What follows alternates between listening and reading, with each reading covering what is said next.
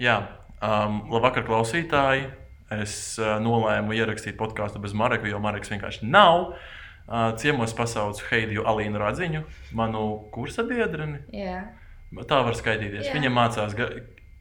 Ga... Ak, Dievs, kas ar mani notiek šobrīd? Es mācos interjeru dizainu. Man ir vairāk jāiedzer, Ā, laikam.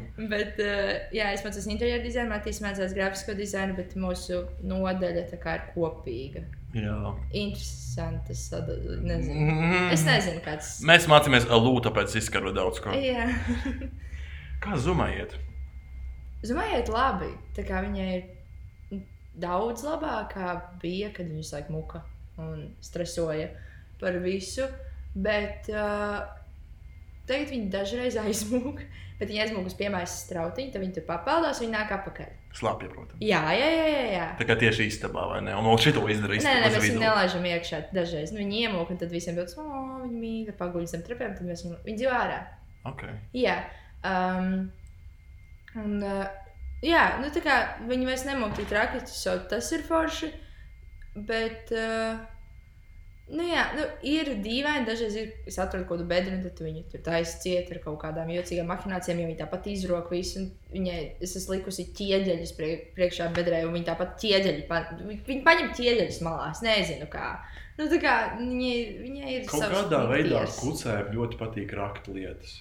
Laikam, jā. Jo mūsu mājās arī ir uh, kuce, Mhm. un uh, viņa nežēlīgi roka. Vienkārši roka, tā kā bezgalīgi roka uz Jā. leju savu apkārt būtā, jau pamatu izrakus. Mums tāds izbeidzis. Bet Viņa nē, es turpināšu rakt, jo, nu, what the fuck, kāpēc gan ne? Jā, man arī liekas, dīvaini. Man iepriekš bija Labradors, un viņš, viņš dz- dzīvoja gan ārā, gan iekšā. palielinām viņš gāja ārā, gāja čurāt vai vasarās. Nu, kā, mm, ja viņam iedeva snēku, kaut kādu burkānu vai kaut ko, viņš viņu apēda, viss dāna beidzās. Zumai tu iedod kaut ko. Pirmkārt, viņi vēl joprojām dažreiz nezina, kā jārīkojas ar tomātiņiem. Viņi viņus nes starp priekšējiem zobiem tā smieklīgi, tā kā bumbiņi. Un vienkārši staigā pa dārzu. Es iedodu burkānu. Kā mazs klauns. Jā, paldies. Mhm. Uh, es iedod burkānu, viņi nesaprot, ka viņš tā kā ir jāgrauž. Tā kā, un es nezinu, un tad, ja viņi kaut ko iedod, viņi pārstāv visu nes uz krūmiem, un slēpj un rok. Man liekas, viņi nē, nevienu snieku, ko es viņai iedodu. Viņi nenormāli priecīgi palaiž un paslēpj. Es gaidu, ka būs ziema, ka nebūs lapas visiem krūmiem, un es iešu un meklēšu tos sniegus. Tāpēc man liekas, tur ir tik daudz visādi tie kauli un tie lielie buļļu diki un visas tās lietas. Jā, viņi ir tādi graužamie, es viņiem. Oh, bet Nezināju. Kāpēc viņi sauc par buļļu dikiem? Tāpēc, ka tie ir krāniņi tiešām. Bet zirgam ir liela. Nu, es nezinu, Kāpēc es par to pēkšņi es domāju? Matīs ir no laukiem, viņš zina visu uh, par zvēriem. Bet uh, ne, nu es nezinu, kura zvēra, bet viņi ir lieli, diki, viņi ir metru gari. Tas nav joks. Okay. Un viņi ir tā kā garšīgi. Nu, suņiem. Es to- tas ir tas snacks, ko es neesmu pagājuši. Um, pēc Patrišas koncerta es atvēru viņas Instagram. Mm. -hmm. Vai tad viņa zuma nav gadījumā kā ko? Ko? Tu nezināji? Es nezināju. Patriša ir uh, sunīts Nelle. Aha. Kas ir Nelija, kas ir Zumas māsa. māsa. Wow. Jā. Jūs vienkārši skatos tāds. Pagaid, ko zuma? Ah, viņa taču kaut ko teica, ka tur bija lielāks metiens par vienu suni. Jā, bija. Jā. Mm. Jā, jā, tāpēc es ar Patrišu sadraudzējos. Oh, Tā kā, wow. es biju, tā, es biju Grieķijā, uh, Zuma bija pazudusi uz tām divām nedēļām. Bija lielais, lielā drāma. Jā, es Viņa bija pazudusi man liekas, divām nedēļām, un es esmu Grieķijā. Es neko nevaru izdarīt. Un es avies lieku Instagramā, jo tas ir viss, ko es spēju izdarīt. Un uh, Paula virsniece nošēroja, man liekas, jo man liekas, viņas ir pazīstamas savas. Man liekas, var teikt, ka kāds no influenceriem nošēroja, tāpēc pat trīši ieraudzīja, pat trīši ielika. Un es vienkārši automātiski uzrakstu, paldies! kā. Un es viņu tur tā kā, jā, man arī sunīts no patvērsmes un tā un tā. Un es kā atradu pat rīšu profilu, es skatos, man tāds suns izstāsta tāpat kā zuma. Un man tāds, klausies, man liekas, ka mums ir māsas, tā kā rītī dīvaini. Un tad mēs tā kā pat rīšai bija tāds, tā, tāpēc man liekas, tā kā, tu skaties tos un tad kaut kā nesaiet tā pirmā doma, bet viņas ir pilnīgi vienādas. Viņām ir dažādi tikai pleķi un krāsas, bet uzvedība vienāda, viņām viena un tā pati auss iet uz leju. Nu, vis, jebko, ko viņas darīja, copy-paste. Tā kā copy, copy-paste.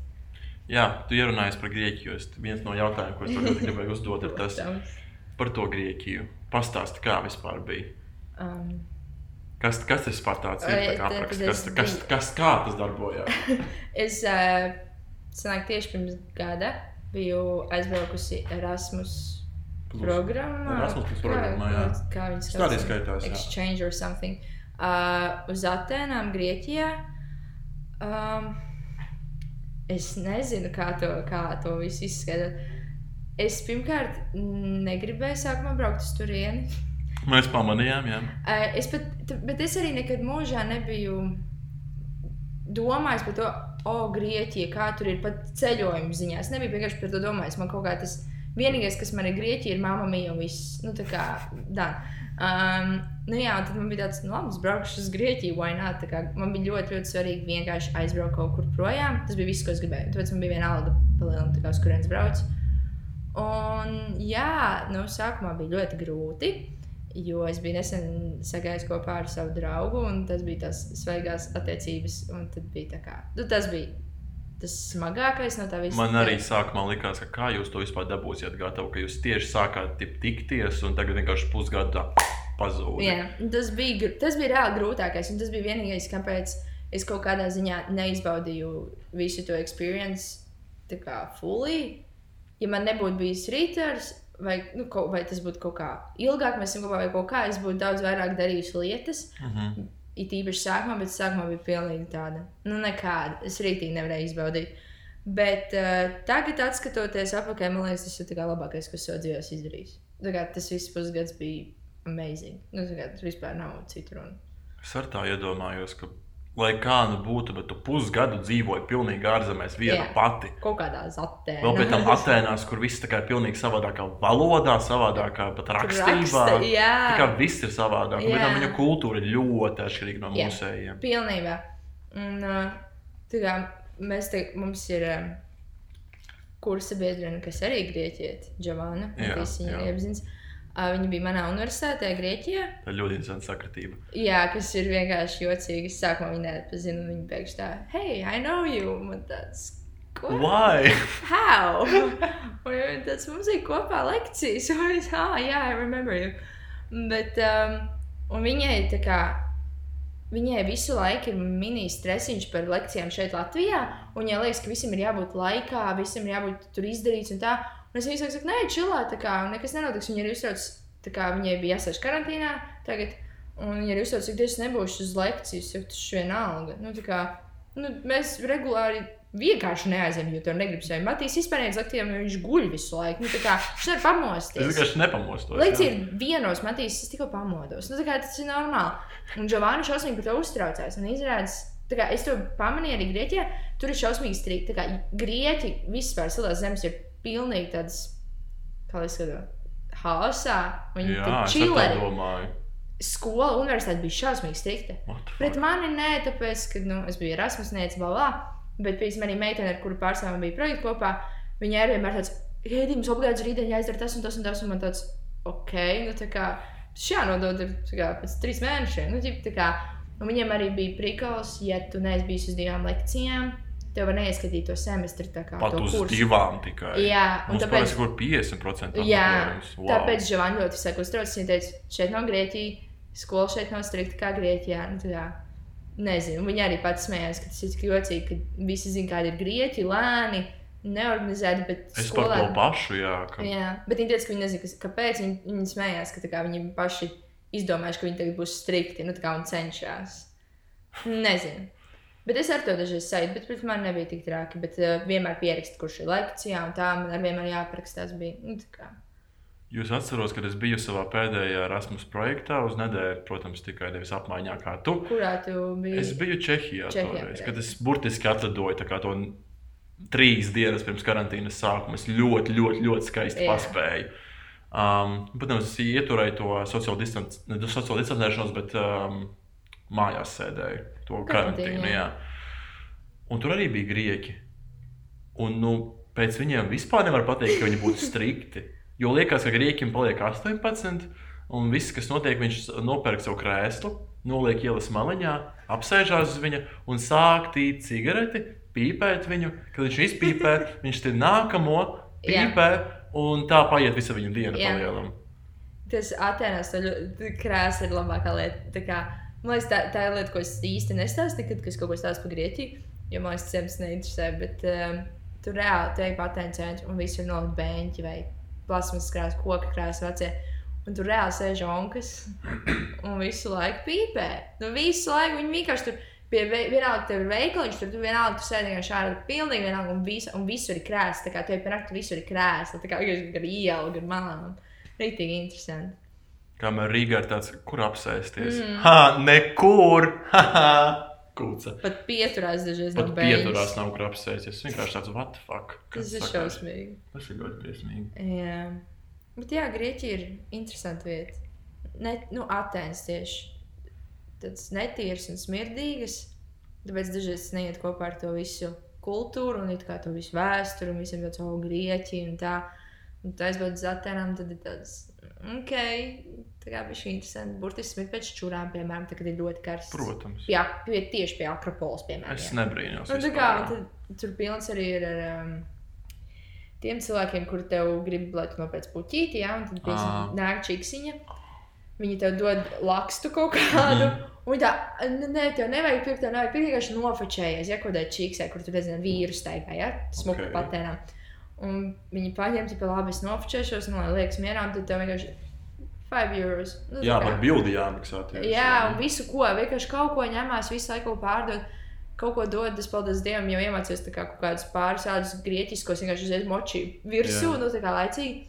Visbaisākais tur bija um, tumšādaini vīrieši, uh, Mhm. kuri viņi tur, viņi pārsvarā arī bija pa to Akropolis, to centra daļu.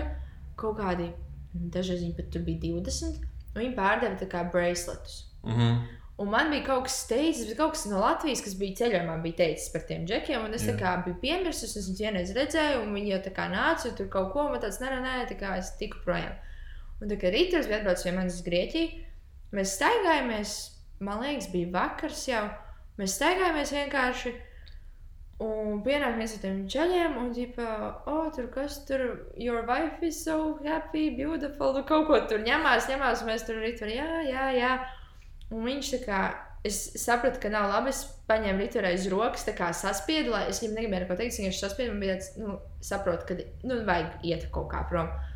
Un tas džeks paņēma mūsu abu rokas, kas nebija sadotas, un tā rītīgi stipri aiz tā kā locītavām, uzlikt tos braceletus. Tur ķipa salika kopā roku, kad tur penterdievu noskaitīja, un nelaiž aļā, un ķipa, fi- uh, four euros, un tāds, fuck. Nu, tā kā, un viņš reāli tur manu roku, rītu arī īstenībā, bet mani, nu tā, ka rītīgi. Un man ir tāds, nu, blīn, nu, tā kā, un rītars tā kā skatās un dod divi, tas, viņš saka, man nav vairāk.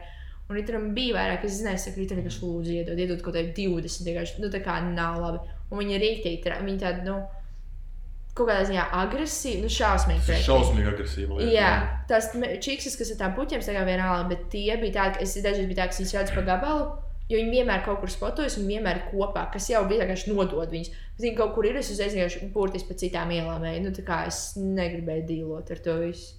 Es atceros, man uh, bija līdzīgs gadījums uh, Venecijā. O, jā, Jā, varētu tur arī ir uh, tumšādainie vīrieši, Mhm. kas staigā puķis pārdot. Mhm. Mēs staigājām tādos mazos bariņos, un es kaut kādā veidā nonācu tādā situācijā, ka mēs bijām pieci cilvēki, četras meitenes, viens es. Mhm. Bieži tā gadās. Jā.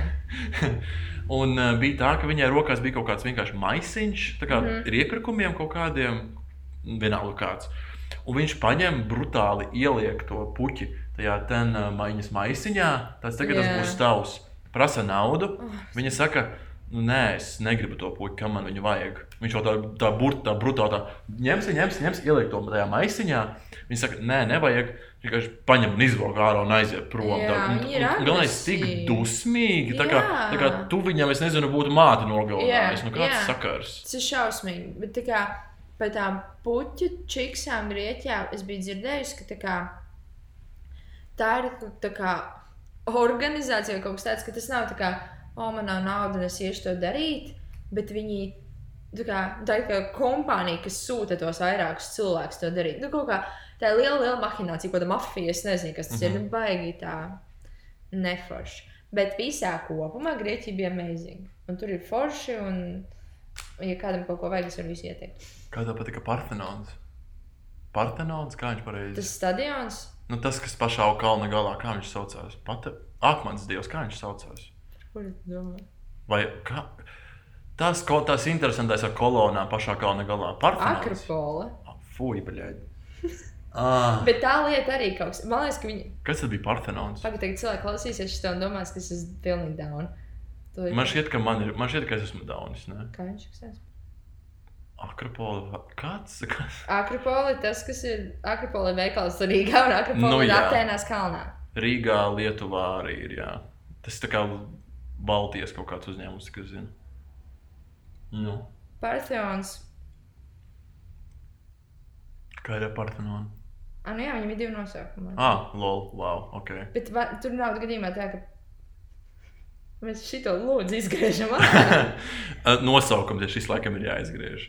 Es zinu, tieši tāpēc. Pagaid, viss tagad ir research. Tu ļoti laicīgi izdomāji sašķot. Es nezināju, ka man ko tādu varētu prasīt. Nē, nu jā, nu varēji Partheons vienkārši piekrist. Temp, nē, tāpēc, ka sāpīgi. Nu, nē, tāpēc, ka es zināju, ka viņam ir vēl viens nosaukums, bet es nezināju, ka tas ir tas. Nu jā, viņam ir neglu. The Partheon is a former temple on the ancient Acropolis.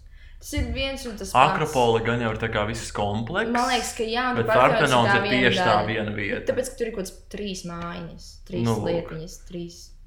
Jā, rēcīgi vienkārši tas, ka. Es vienkārši pieredzēju, vienmēr akropolu, akropolu tikai šeit. un Es zināju, ka kā viņu sauc kaut kā vēl, bet es nekad Jā. tam nepievērsu uzmanību.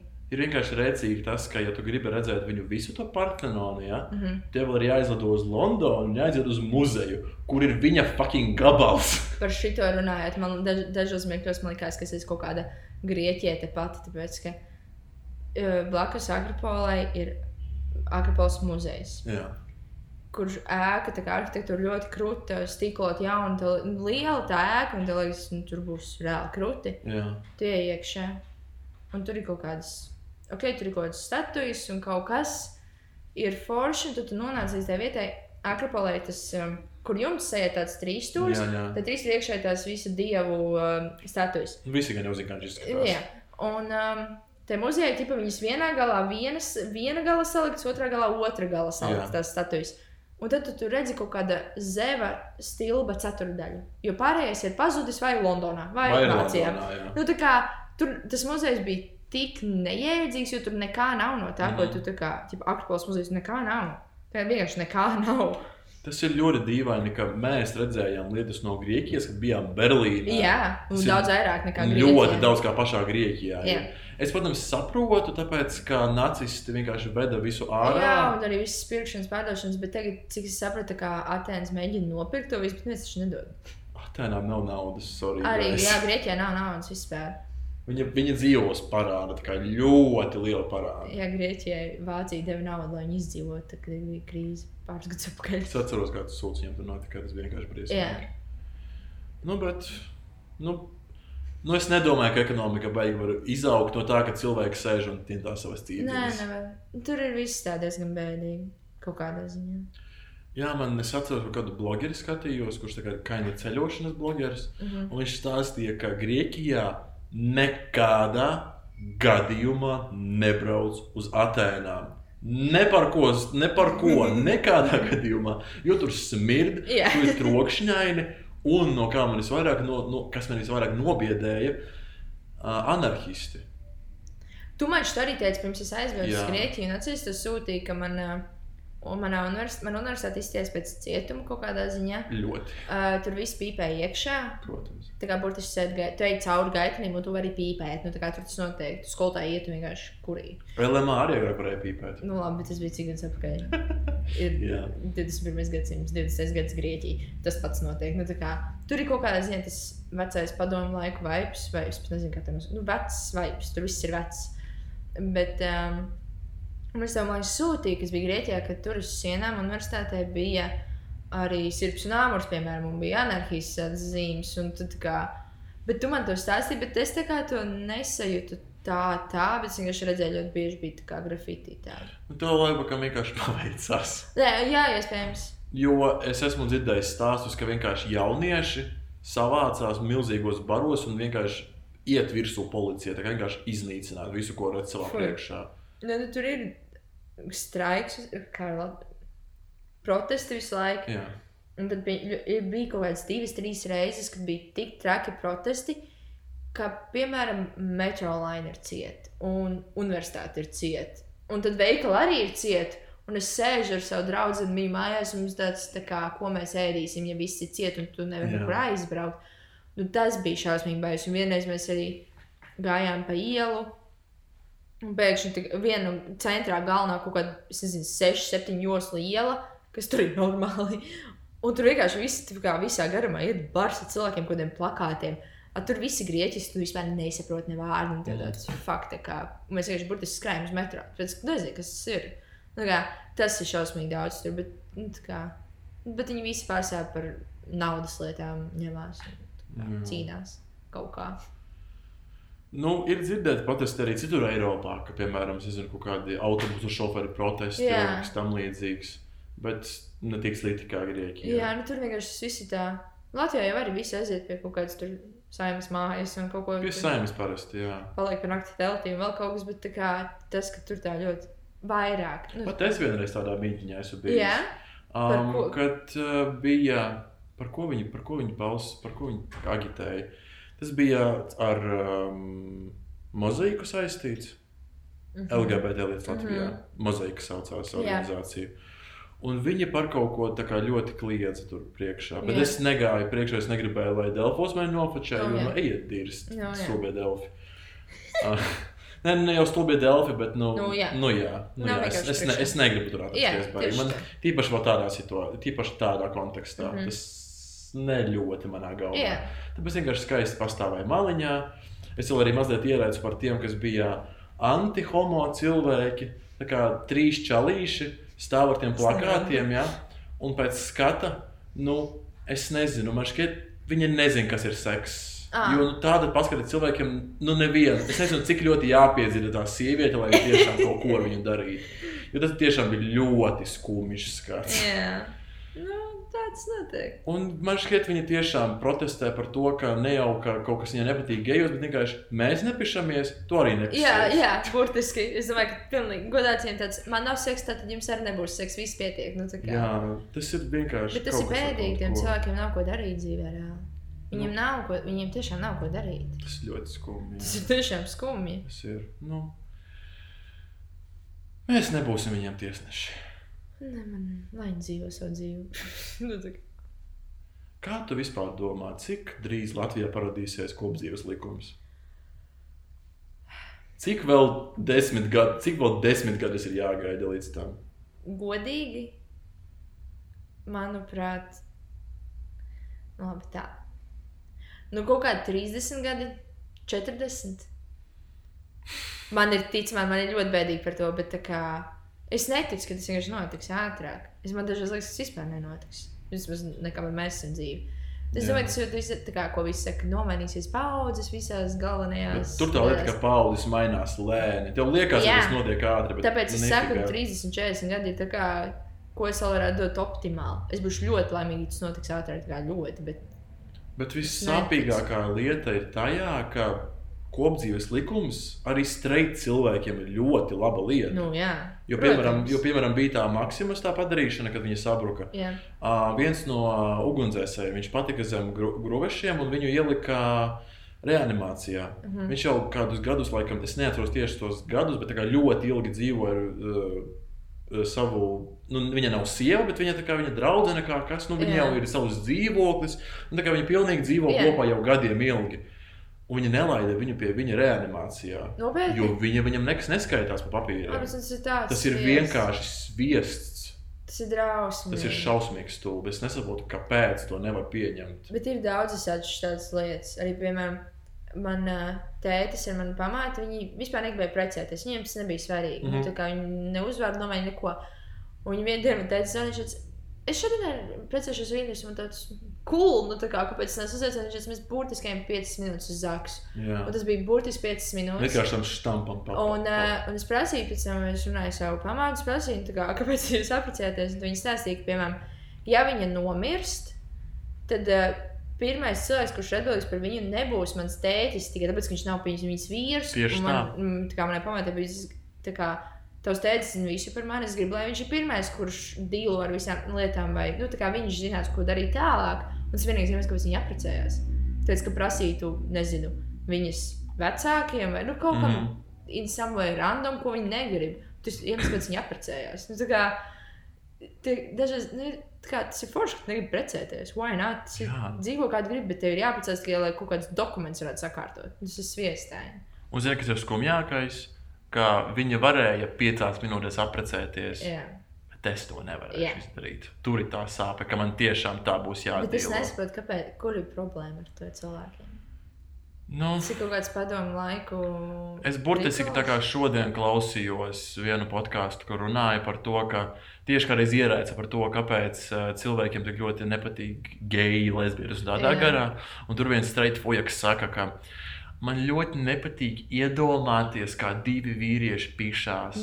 Man tāds, kāpēc tev par to vispār būtu jādomā? Jā, viņš sēž savā kastē Nu, un tieši tā, kā seksojies ar sievieti. Nu, tā ir problēma. Nu, vai ar roku, jo nu, Nu, visbiežāk, es tiešām esmu pamanījis to, ka tie tiešām streitčalīši, Jā. viņiem uz to ir ļoti pohuji. Vislielākoties visi tie homofobi, viņi paši ir biseksuāli vai Jā, pat viņiem vienkārši bail to Jā. atzīt pašiem sev, tāpēc viņi ir tik agresīvi. Jā, es arī par to es domāju. Jo cilvēks, ka, ka, ka principā dzīvnieks, kuram paliek bail, viņš paliek agresīvs. Un tas ir ļoti. Jā. Tā kā var manīt, ka viņi ir ļoti agresīvi tikai tāpēc, ka viņi ir stulbi dzīvnieki. Jā, šausmīgi bēdīgi. Man vispār nepatīk šī visa situācija to. Nu, kā, man ir ļoti daudz draugu, kuri ir not straight, un man ir reāli bēdīgi. Tā kā, tā, kā arī Roisam, es saku, tā kā es nevaru, uzve, tā kā es nevaru veidot ģimeni. Man ir jāpārvācās uz citurieni, kaut gan Latvija ir mans mājas, es nevaru šeit veidot ģimeni. Kā, Jā, tas ir briesmīgi. man, man liekas, ka arī, ja Latvijā tas tiktu atļauts, Latvija uz vispār pasaules vai Eiropas skatu uzreiz būtu tāda lielāka valsts. Tā kā mēs uzreiz būtu tādi, wow, viņiem tas ir atļauts, tas ir krūti. Nu, kā, man liekas, tas arī būtu kaut kādā ziņā noderīgi vispārīgi valstī, bet um, cilvēki to nesaprot. Un... Man ir vismaz prieks par to, ka pēdējās Rīgas, vēlēš, Rīgas domas vēlēšanās tā viņas skaitījās, ja? Jā. kā kreisie tika pie varas Mm. un ļoti, tā pār, ļoti lielu pārspēku. Jā, es ka tas bet Un man ir ļoti liela cerības, ka arī saimas vēlēšanās kaut kas tāds varētu notikt. Tas, varētu Tas būtu fun. ļoti skaisti. Bet, diemžēl, lielākā daļa, kas balso par tām konservatīvām partijām, ir ārpus Rīgas. Jā. Un tas uzreiz ir tāds, mm, Mm. ah, peļin. Jo lielākie tie idioti pēdiņās, protams, dzīvo ārpus Rīgas. Jā. Rīgā jau visiem pohuļ, kas Jā. mums kaut kādām acīm staigā apkārt vai vēl kaut ko. Mm. Mm. Tā ir. Ai, bēdīgi. Ļoti. Nu, Jo es gribu, lai tu apprecējies, gribu iet uz tavām kāzām. Tā kā goda vārds, man liekas, tā kā. nu, man liekas, ka man jāatrod ar ko nu, precēties. jā, nu, gan jau. Bet tā kā, tā kā man tas, man liekas, man. Bet tas ir tāpēc, ka man vienkārši tas nav atļauts. Bet man liekas, man kaut geju draugu kāzas būtu vairāk eksāta nekā, es nezinu, manas pašas. Tie- Tāpēc, ka tad, kad tas būs atļauts, būs fuck beidzot, kā to var darīt. Var tā kā ieslēgt to Britnijas Spears toksiku un, Ak, tā kā, un Dievs, vienkārši tresīt aiziet, zem viņas. Tiešām, visu pēc kārtas. Ak, man Dievs, I'm blue, labu, dibla. Amazing! Tā dziesma ir tik briesmīgi slikta, bet viņa ir tik Ak, Viņa ir tik Dievs. laba. Nu, tā kā, kur vēl? Tas ir Mm. amazing. Labi, viss gejiskākā dziesma, ko es zinu, šī ir single ladies. Ah, jā, I'm single I'm single. Un tā moments, kad vajag tās rokas tā darīt, Jā. tas ir vienkārši kā, ah, lūdzu. Bet video klips ir ļoti labs. Viņš ir viņš ir ļoti seksīgs. Jā. Ak, man Dievs, tās viņas ciskas, kāds sakars. kā Katrs muskulīts ir redzams. Jā. Tā skauž. Ak, man Dievs, what? Bet jūs lai papēžat, tad vēl vairāk to visu. Nu, protams, tāpēc- ka tas ir ļoti, ļoti iz, izceļās. tavs, Jā, Kā tas saucās? muskuļi. Mus... Tie Jā, muskuļi. Ok, fine, muskuļi. Mēs nesaskandinājām, kā jūs darat podkāstā. jā. Mēs varam izdarīt tagad. Viens, trīs. Tas bija tik neg neglīti. Marek, lūdzu, izgriež šo. Marek, izgriež to un ieliec sākumā. Marek, tur, kur mēs runājam par akropolu un to te, kā sauc pan. To tu tā kā paklausies un izdomā, varbūt tur var kaut kādu lohu vai izgriezt. Dzīvojot pusgadu Grieķijā, es nezinu, kur es dzīvoju. Es ļoti gribēju parunāt par prokrastināciju ar tevi. Man ir pilna mute. Es zinu, Tas der priekš šis te. Noteikti, jā, tā kā mēs ēdam ķiploku maizīti, kas ir fantastiski garšīga. Um, iesaku visiem. Rīmī, please, sponsor tās. Jā, noteikti. Tā kā viņi sponsorēs tieši mūsu. Kamēr citiem ir billboardi ar viņu podkāstu, tikmēr mūsu sponsorēs Rīmī. Tieši fucking tā, draudzenīt. Ja Rīmī man sponsorētu, man vispār jebkas pārtikas lietas sponsorētu. Tas ir labākais, kas savā dzīvē var notikt. Baika ir dārga, come on. Es atceros, Sindijai dzimeni nosponsorēja Maksima. Kāds sakars? Es neatceros, kāds, Wow. kāds notika. Bet kaut tas ir kas- vienkārši. Kā tu zini? Viņai ir Instagram. Ah, jā. Ah, jā, tiešām. Jā, tur kaut kas, es, bet es, ne, es galvenais piedalījos tajā visā pasākumā, bet es neatceros, kā tas viss notika. Bet tas bija tā ļoti netīšām. Kaut kā tas ir tā ļoti viegli. Nu, nu, Nē, nu, ja tev ir tik daudz sekotāju, kā viņai, tas noteikti notiek ļoti netīšām. Jā. Jā.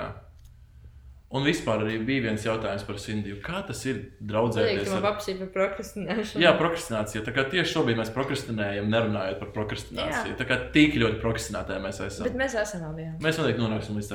Jā. Kā ir draudzēties ar tik lielu slavenību Latvijā? Izvēlēt to muti. Man liekas, tas smieklīgi. Es esmu tā kā tā jocīgā Sindijas draudzene. Kādā ziņā? Tā man cilvēki, ir cilvēki, kas man tā kā atpazīst uz ielas. Un viņiem ir tāds, tas Sindijas draudzene, man tāds, greit. Jā, tā kā. Man nav Tu, vārda. tu neesi Heidija Alīna. Tu esi par- Heid- Hei- tu esi Sindijas Jā, jā, man nav sava personības, es esmu Sindijas draudzene. Bet labi, tas nav tik bieži runāt tādu, kas būtu beigas slavenība. bet, um, nē, eh, draudzēties Sindija. Um, tas ir ļoti bieži, tas ir citādāk nekā, ja ir draugi, kuri nav tik populāri. Mhm. It īpaši, ja mēs esam kaut kur sabiedrībā, nu, tā kā uz ielas vai, nezinu, pozitīvus, piemēram, Jā. mēs vienreiz bijām bārā, klubā vienā, un pirmā loģiski cilvēki, kas viņu atpazīst, ir, oh, čau, Sindī, bla, bla, bla. Un tad ir, protams, oh, var uztaisīt tev bildi. Bet Sindija ir savs noteikums, ka viņa, ja viņa ir kaut kur ārā, tusē, kaut ko tādu dara, viņi nefičēs kaut kādā klubā. Nu, vienkārši, tas vienkārši ir noteikums, kas ir pilnīgi normāla lieta. kā Viņi Jā. negrib klubā fočēties, kāpēc tev jāatzīst. Un ir cilvēki, kas to nerespektē. Un tad ir bijis reizes, kas reāli sakojos ar kaut kādu čūvaku, tāpēc, ka nu, viņš nesaprot. Es jums saku, tur fočēties ar mani, man vienalga. Bet, tā kā, nu, lūdzu, neaiztiec Sindiju.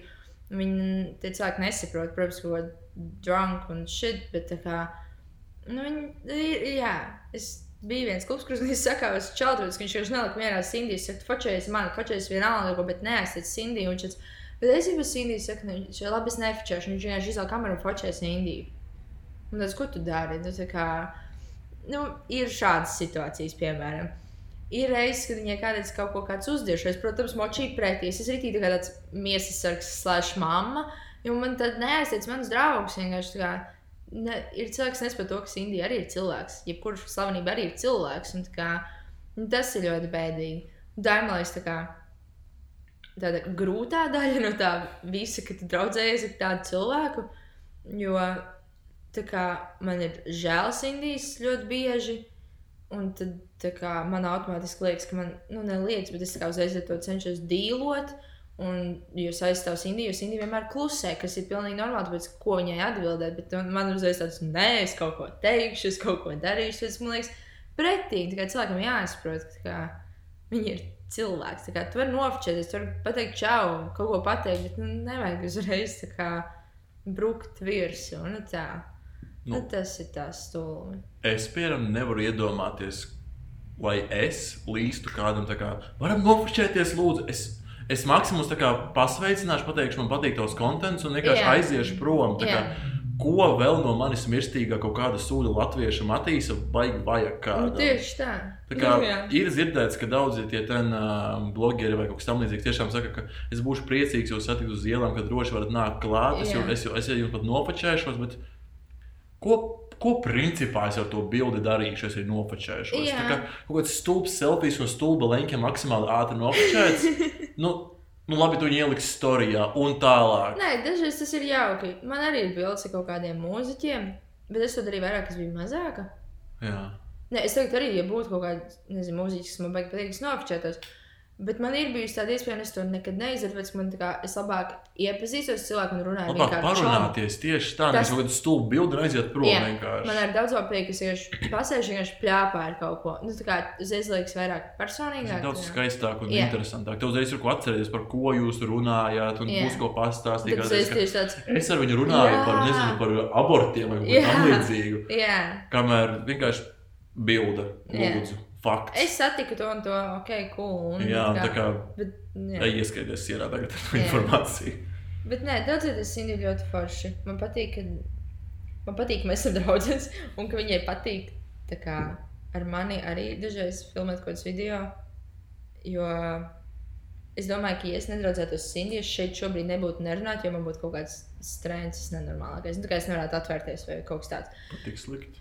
Labi, varbūt podkāstu versija ok, bet, ja būtu kameras, ārpus būtu nomiris. Bet, kā Cindy man to ļoti izvilka ārā, nu, kad bija, bija kaut kāda, viss sākās vienkārši kaut kādu vlogu vasaras, un man bija tāds jau, tā kā, ha, Cindy man filmē tā kā weird.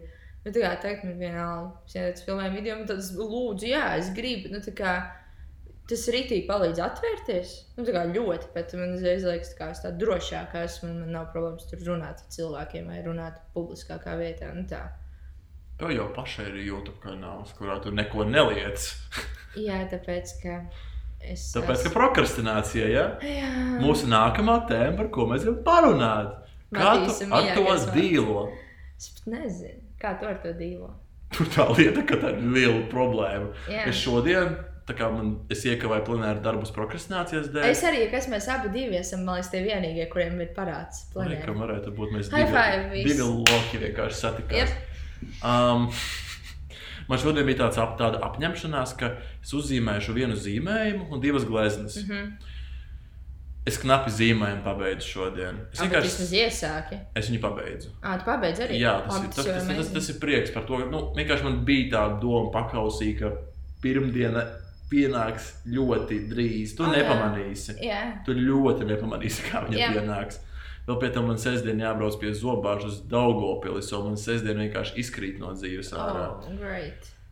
Ah, Bet, Es, nu, jā. kā, es, es pat nezinu. Man, man pat nav komentāru par šo tēmu, tāpēc, ka, nu, Tev vienkārši viņa ir. Jā. nu tā kā, a, ko darīt? Es varu pasūtīties par sevi, ka Nu. manā gadījumā ir tā, ka es apzinos, ka es šobrīd prokrastinēju. Jā. Piemēram, es, zinu, es zīmēju, un es skatos pa logu, kā putiņa apkārt lido. Jā, Paiet 20 minūtes, un es joprojām skatos tiem nolāpītajiem putniņiem, kas tur apkārt lido. Un es saprotu, ka Matīs, te, te, tu, tu sāki zīmēt, kā, nu, lūdzu, turpini, bet es neturpinu. Bet tas ir baigi stulbi arī. Tieši tas, ka nu, ir cilvēki, kas iesāk kaut ko darīt, un viņam aiziet, un viņi turpina. Jā, man tā Bet man arī tā nav. Es iesāku, man ir tāds, ah, TikToks, un tad skatos TikToks. Tieši tāpēc es neinstalēju TikToku. Jo TikToks man es, mīļākā lieta pasaulē, I'm sorry. Pieskatiet man TikTok kā godu. Nē, nes Instagramā. TikTok arī. Patīk, nenormāli patīk TikToks. Man vajag draugus, lai es varu sūtīt tos stulbos video, jo man liekas tik smieklīgi. TikToks ir amazing. es tieši šī iemesla dēļ, kā tu saki, TikToks iztērē tavu dzīves laiku. Jā. Jā. Es viņu nekādā gadījumā negribu instalēt. Jo viņam pat eh, algoritms dara. Ja Instagramā ir tā, ka tev vienmēr rāda lietas, kas tev patīk, Jā. Tad, eh, tad tas, tu- tas pretīgais TikToks dara tā, ka viņš rāda lietu, kas tev ļoti patīk. Tad viņš parāda kaut ko pēc algoritma izreikinātu, kas tev patīk tā kā mazāk, mazliet. Kādas trīs, četras video parāda, kas tev mazāk patīk. Tev tāds, ai, un- blīd, zaibal. Tad kaut parāda, kas tev patīk. Un tāds, oh, ak, Jep. Dievs, kas ir forši! Man šķiet, ir. Un tādu pavadīt Harijs trīs stundas. Styles, viss kaut kas fun. Harijs Styles, man tāds aiziet, jā, un tad vienkārši skaties. Mama mīja pa vidu, kaut kāds dance routine ar mammu mīju, man tāds iesazina viss dejas no galda. Tā kā dievinu, es nevaru. TikToks ir amazing. Man sākumā ļoti riebās TikToks. TikToks ir amazing. Pasaki to Trumpam. I will call him. Bet nē, TikToks tā kā man ļoti sākumā nepatika. Tad Elīze pie manis atbrauc uz Grieķiju, viņa skatījās TikToks un bija tāds Elīze, tu esi stulba. Ko tu dari? Viņa ielāda hedge TikToks. Nē, es negribu, tiešām negribu. Tad viņa aizbrauc projām. Tad man tad es ielādēju TikTok kaut kad, uz, kaut kad Grieķijas vidu, vidū kamerā, kad es tur biju tajā laikā. Es atceros, ka es uzfilmēju vienu to TikTok dēļu, to dēļu, un even nowadays, to klasiskāko TikTok dēļu. Un, um, un es tikai nofilmēju, bet vienkārši, ah, redzīgi, es esmu Indijā, Nelīzē. Nu, tā kā es vienkārši, es pat nepublicēju, bet es redzīgi fail, man riebās tas viss. Un tad Indija bija TikTokā, viņi vairs tur vispār neko nelēma, viņi kaut ko filmēja. Un tad uh, es nofilmēju, nofilmēju savu pirmo TikToku, kur ir uh, uh, famous French, kaut kāds tur tas teksts, un es nofilmēju, ah, es esmu Indija. Un es biju izdomājis, ka es varētu filmēt TikTokus, kurus izmantoju visu laiku to skaņu ar saviem draugiem, kuri ir tīpa populāri. Un uh, man liekas, ah, ok, tas būtu prīklīgs kontents. Nav man vienalga skatās, kāds nē, bet tā kā, nu, man vienkārši liekas, pašai interesanti tas būtu. Un tad es netīšām uztaisīju TikTok dēļ. Un viss. Un man dzīve beidzās. Cik t- kā tas notiek netīšām? Tāpēc, ka tu skaties, kā, es dejojis. Es dejoju 11 gadus, kā ne profesionāli, un es vairs nedejoju. Jā. Un uh, es domāju, ka es nevaru pakustēties. Es špagatu arī vairs nevaru uztaisīt kaut kādas, kādas to var iztaisīt vienalga, un tā kā mierīgi. Un es tā kā vairs neesmu dejojis, un tā, tā kā tu skaties, tad, ah, bet šis ir viegli, es to varu vēl izdarīt. Tā kā es varu pišķīgi pakustēties. Un tad vienkārši tik daudz, tie tik arī ir trendā deja, viņi visu laiku ir tajā tik vienkārši peidžā. Un tu izsaki, man ir tas, ka kā es esmu dejotāji, es varu atcerēties kustības arī skatoties. Protams, varbūt ne visu un perfekti, bet kā ir dejas, kuras, piemēram, wap dance, noteikti es redzēju, bet ir. Negribu nemaz Kam zināt. tā dziesma, Cardi B or something? Nezinu. Fui. Nav nejausmas, kam tā dziesma, man liekas, viņai. Es tiešām visi heitos man. Uh, bet uh, ir wap dance. Es neesmu dejojis to dēļ, nekad mūžā, bet viņi zina no galvas, ka viņi varētu nodiet šobrīd. Tikai tāpēc, ka viņi ir redzējis tik daudz. Nu, tā kā, un, nu jā, tas tiešām arī uztaisīja kaut kādas tik tik dēļ. Uh, viss, ko es varu nodejot, ir single ladies. Un um, to, ko parasti dejo, un to, ko parasti dejo zaļumbalēs Latgalē. Es esmu ļoti Tā kā labs. pārītī? Jā, Ah, nu jā, jā. es esmu varam- ļoti labi zaļumbaļu izgriezējis. Jā, es zinu, es esmu tev dejojis. Nu, tieši tā. Vēl pie tam tas prikals, ka esmu parasti garāks daudz par meitenēm un tik Mhm. viegli viņas Mhm. griezt. Tas ir vienkārši. Ah, es varu griezt, vienkārši griezt tā, kā kamēr viņa, kā viņa griezt. Jā, Matīs, mēs kaut kādā Ziemassvētku balē, kad dejojām, man likās, ka es apvēmšos, jo tu tiešām visu laiku griezi man. jā, jo tas ir jautri. Te- Tev laikam skatīties, jā. Tā ir čiks ir tas greit apvēmšos. jā, nu, latgalieši tādi ir. Tev, Tas jau normāli. tas, ar, to, ar to ir Tas jādīl. tieši tā. Ritvars arī skaitās kinda. Vispār jēkapiliešiem ir tā, ka viņi it kā ir ir latgalē, bet viņi ir tādi, mēs neesam latgalē, nē, mēs taču esam sēli. Viņi jūs skai... jā, viņi ir ķipsēli. Nē, vispār aizkrauklis skaitās sēlē. Jā, Jēkabils skaitās Latvijā, bet, Ah, tomēr, ok. bet tomēr tur sanāk ļoti interesanti. Koči jēkapilieši vienkārši jēkapilieši, viņi Jā. nepieskarās ne pie kā. Tu pateici, Jēkabils tieši tāpat kā Riturs arī saka tajā akcentiņā. Jā, Jā. jā, es ļoti nemāku to teikt. Bet Riteram, labi, viņš Jēkabils dzīvoja cik divus gadiņus. Jā, tā kā viņš šo tagad maz. pārvācās uz Rīgu, bet viņam ir akcents, piemēram. Mhm. Viņam mhm. ļoti. Nu, no vecākiem gan jau. Jā, un Omai arī viņa, viņa mammai, es mazāk man liekas, jūtu kā pašam rītveram, piemēram. Nu, tā kā, nu, tad dažreiz, man liekas, smieklīgi. Tā kā viņš kā visu mūžu dzīvojas Rīgā, bet viņam ir tas lauka akcentiņš, kā mīlīgi. Nu, Ritvars ir kā Marks Rotko. Marks Rotko arī piedzima Daugopilī un divu gadu vecumā aizpisa prom uz Ameriku. Ah, nu, Tas pats variants. jo tā kā nav Amerika. Tikai tā nav Amerika. Mm, Nu, bet priekš Jēkapiliešā Rīga arī ir Amerika. jā. Jūs atceros, uh, man draugi vienreiz, kad pirms es aizbraucu uz Portugāli. Mhm. Um, es teicu, ka nu, es braukšu uz Portugāli. Viņi tādi, tad mēs aizbrauksim uz Rīgu. Un man tāds, Um, nopietni. jā, Bet tas ir tik jocīgi. tik jocīgi. Jā. Un, uh, un es tāds saku, nu, ok, fine, nu, bet, jā, mm, ok, kur prikals. Un viņi tādi saka, ka priekš mums Rīga ir kā Portugāla priekš tevis. O, bet tas ir tik jauki. Bet tas cik forši tiem cilvēkiem tik maz vajag, lai viņi būtu. nu, Tik daudz prieka. Vai, Jā. Es arī sevi atceros, kad es agrāk braucu uz Rīgā. Man bija tāds, oh, Rīga, ak, mans dievs, tā milzīgā pilsēta, kur tie dīvainie latvieši staigā apkārt. Tie dīvainie čūļi, kas vispār tāds tur notiek.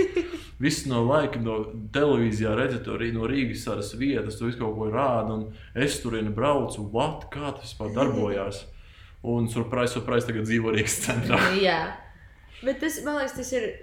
Es kaut kādā ziņā apskaužu tos cilvēkus, jo viņiem, nu jā, viņiem vajag tik maz prieka, un tas ir tik fantastiski, jo man ir tāds, ka Rīga, labi, nē, man Rīga ļoti patīk. Man arī ļoti patīk. Bet Rīga. man, uz, man ir tāds, es gribu padzīvot Londonā. Tā kā, fuck you, Rīga. kā, Es gribu aizbraukt uz New York. Nu, kā, Tu esi bijusi Ņujorkā. jā, es esmu bijis New York. Mhm. Trīs nedēļas biju Amerikā. Ah, nu jā, mm -hmm. skaisti. Gribēju. Pa... Ai, Nē, gribēju. es gribētu padzīvot New Yorkā.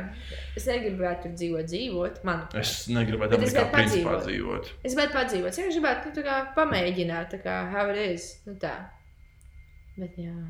Jo Amerikā dzīvot, hell no. Nē, vienīgais York. Nu, tā kā viņi ir tāda, kā lai izskaidro. Nu, līdz tev, Eiropiskāk. Nu, līdz tev tāda- sāk sāpēt zobi, tikmēr tu negribēsi dzīvot. Jo, kad tev sāksies kaut kas ar veselību, dievs, healthcare tur ir. Tur vienkārši- cenas ir tūkstošos, tas vienkārši tas ir vienkārši dirsās Es apist. pie zobā- Es pie zobārs maksāju 40 eiro, tur visiem būtu 40 eiro, mēs maksājam par maizes kuklu. Tur burtiski tā, tur, tur Mhm. es šobrīd lasu amerikāņu psihopāts. Ok. Um, un tur um, čalīts tā kā bārā pasūta dzērienu, kas vēl bija tad, Mhm. uh, kur, kad nauda vēl bija nu, vērtīgākā. Tagad jau de, jo devalvācija, vai kā tas pareizi Nav saucās. nejausmas, bet jā. Jā, gudrie vārdi no manas mutes. Mm. Um, viņš nopērk divus tos staļičnē šņaba glāzes ar ledu. Jā. Viņš samaksā 25 suka dolāri. 25 dolāri par divām glāzēm. Drausmīgi. Un tajā bārā viņš iegāja 50 dolāriem. Vai jau maksā lietu bārā? šņābi pudeli litru nopirka 15 eiro. Jā, Burtiski. nu staļičnē maksā kaut kā tā arī maksā. Jā. Jau uz atlaidēm vispār amazing. Vai kaut kādā devonā, Daugopā. Rīga ir devona. Cik es zinu, nav man šķiet. Daugopā ir ļoti daudz devonu. Okay. Daugopā pat ir tā, ka Nē, varbūt ir Rīga. kaut kur esmu dzirdējis Man baumas, ka Es esmu redzējis tādu. Viņam ir tāds gotisks šrifts ļoti. Es esmu redzējis tādu, bet man liekas, ka pat centrā kaut kur. Okay. Varbūt jau pat netālu, es par to nezinu neko. Okay. Paskatīsimies kādu dienu. Jā. Um, Daugopilī ir interesanti ar to, ka tur ir tas centrālais laukums. Tas Jā. bija Daugopilī. Mm, Jā, bet es biju tikai uz to rotko. Ah, tas neesi bijusi centrā. Tā, nē, es Ok. okay. atceros, mēs vienkārši ar kādu ekskursiju no rītdienām iebraucām to apsiem, mēs braucām kaut kur citur. Mm -hmm, mm -hmm. Um, esmu Daugopils. Tur bija ļoti bēdīgi. tajā tam cietoksnī, jā. Nē, bet ir vispār, tā kā es mēs braucām cauri. Man liekas, mēs esam kaut kādā, es pat, nu, ne, Krievijas, neesmu bijis Krievijas, nezinu, bet tā kā tik pelēks viss bija. Tā kā purčikā. Tu iebrauc Daugopilī un viss ir pelēks. Jā. Jā, tas viss, ko es atceros, tā kā vienkārši pelēks.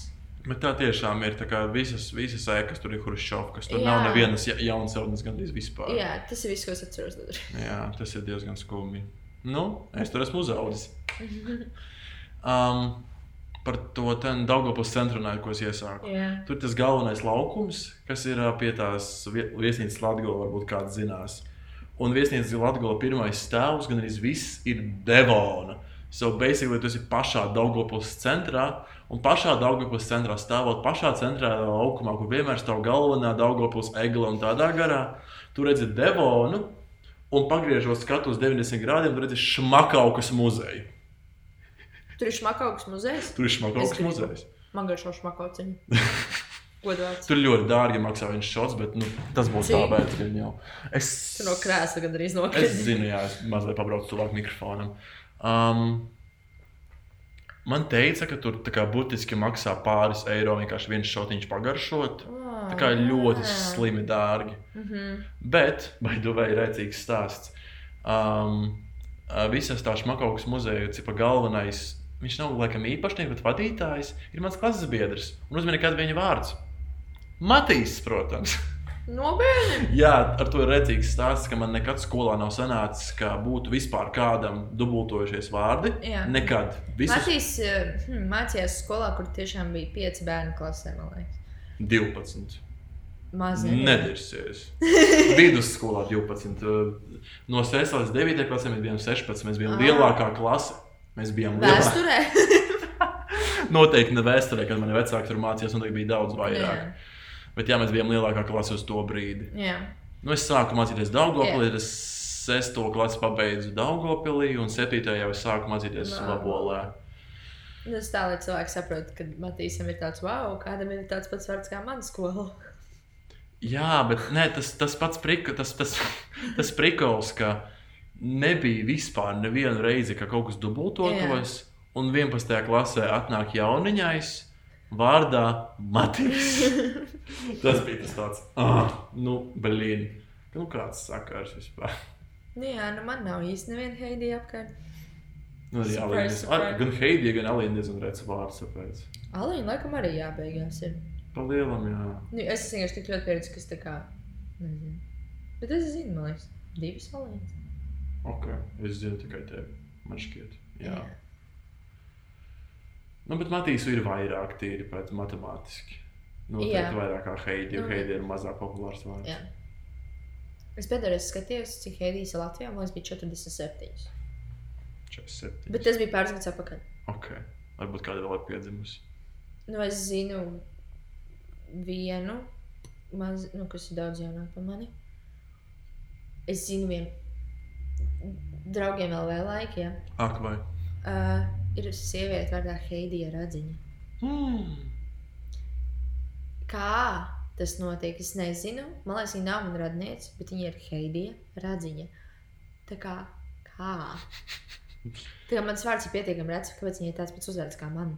Es zinu, ka ir vēl viens Matīs Supenieks Latvijā, to es Kā- zinu. kā, oh, Bet, nu. Matīs un Upenieks ir Tas ir diezgan tā populāri. jā. latviskāk, un tā, jā, bet kā, ir Heidija Radziņa. Kāpēc?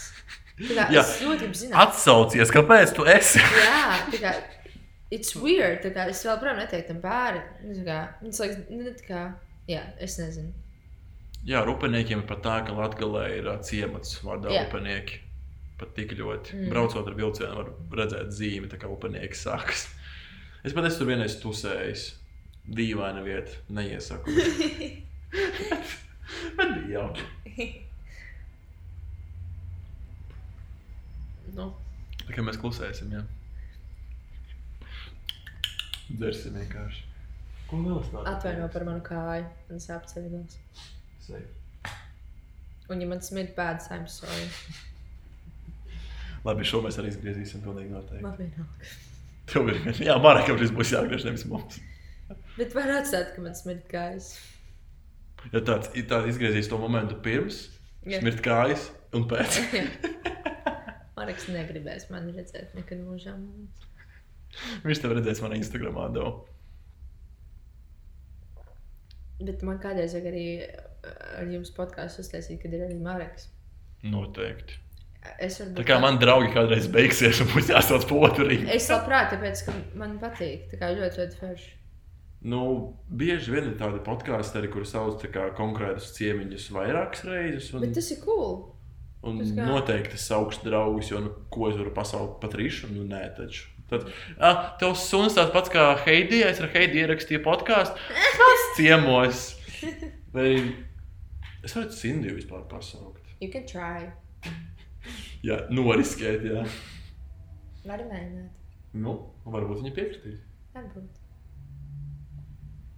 Mums arī tev jāsauc līdzi. Jūs varēsiet, jūs taču gribāt podkāstu ierakstīt. Jūs varat Jā. Ierakstīt mūsu podkāstā savu podkāstu. Tas tāds inception pilnīgi sanāk. Varētu kaut ko izdomāt, jā. Būtu redzīgi. Pārņemam Matīs podkāstu. Matīs un Maraka podkāsts. Jā. Es... Nu, Marks šeit nav, I'm sorry, dude. Kā. You're not here, I can. Seja. Ah, Labi, mēs tev mīlam, tu mums pietrūkst ļoti. Es tiešām gribēju, lai viņš arī ir. Man liekas, būs redzīgs. Ja neesmu satiks, man liekas, nekad varbūt. Nē, es. Nē, es. Nē. Nu, vot tā. Tiešām nē. Es varbūt tikai Instagramā redzēju. Jā, nu tad mums tiešām būs jāuztais vēl viens. Nu, lūk, jau sarunāts. Tāpēc tev vārdu nedzēsīšu ārā uz sienas, Nē, bet, bet vienkārši pametīšu. Ārprāts pasirgties. Vēl lielāku uzrakstu. Kur nu vēl lielāku? Tā kā tu jau izstāstīji. Es pat no šejienes, es, man ir slikti redzu, bet es redzu, kur ir mans vārds. jo Jā, tas ir ļoti tā kā labi. Um, ko es gribēju vēl par, par pārjautāt tev? Nu. Zelta rudens Siguldā. Es tiešām domāju, vai tu man kaut ko pajautās par to Siguldu vai nē. Noteikti. Oi, jā. zelta rudens Siguldā. Nu, Ko tu par to domā? ir arī citas pilsētas. Ah, jā? Jā, iedomājieties. Pagaidzi, zelta rudens nav tikai Siguldā. Ir tikai vienīgi. Ah, nu vispār jā. Šodien make pa sense. universitātes logi, kas redzēja arī zelta rudeni, bet to jau Nedirsies, nevar būt. Gudars. No Nē. Man liekas, ka lapas paliek dzeltenas tikai Siguldā. Tikai Siguldā, jā, es ļoti sirsnīgi atvainojos visiem, kuriem sāpēs šis te. nu, jā, zelta rudens Siguldā ir maģiska lieta. Nē, es saprotu. Tā kā tiem, kas nezina, es esmu no Siguldas. Un um, es, um, es nekaunos teikt to, kas izties tik sen. es ļoti atvainojos. Um, es nekaunos teikt to, ka Sigulda pilnīgi noteikti viena no skaistākajām pilsētām Latvijā. Nu, tā kā, Noteikti, jā. Es, ta- tā kā, es tam pilnībā piekritīšu.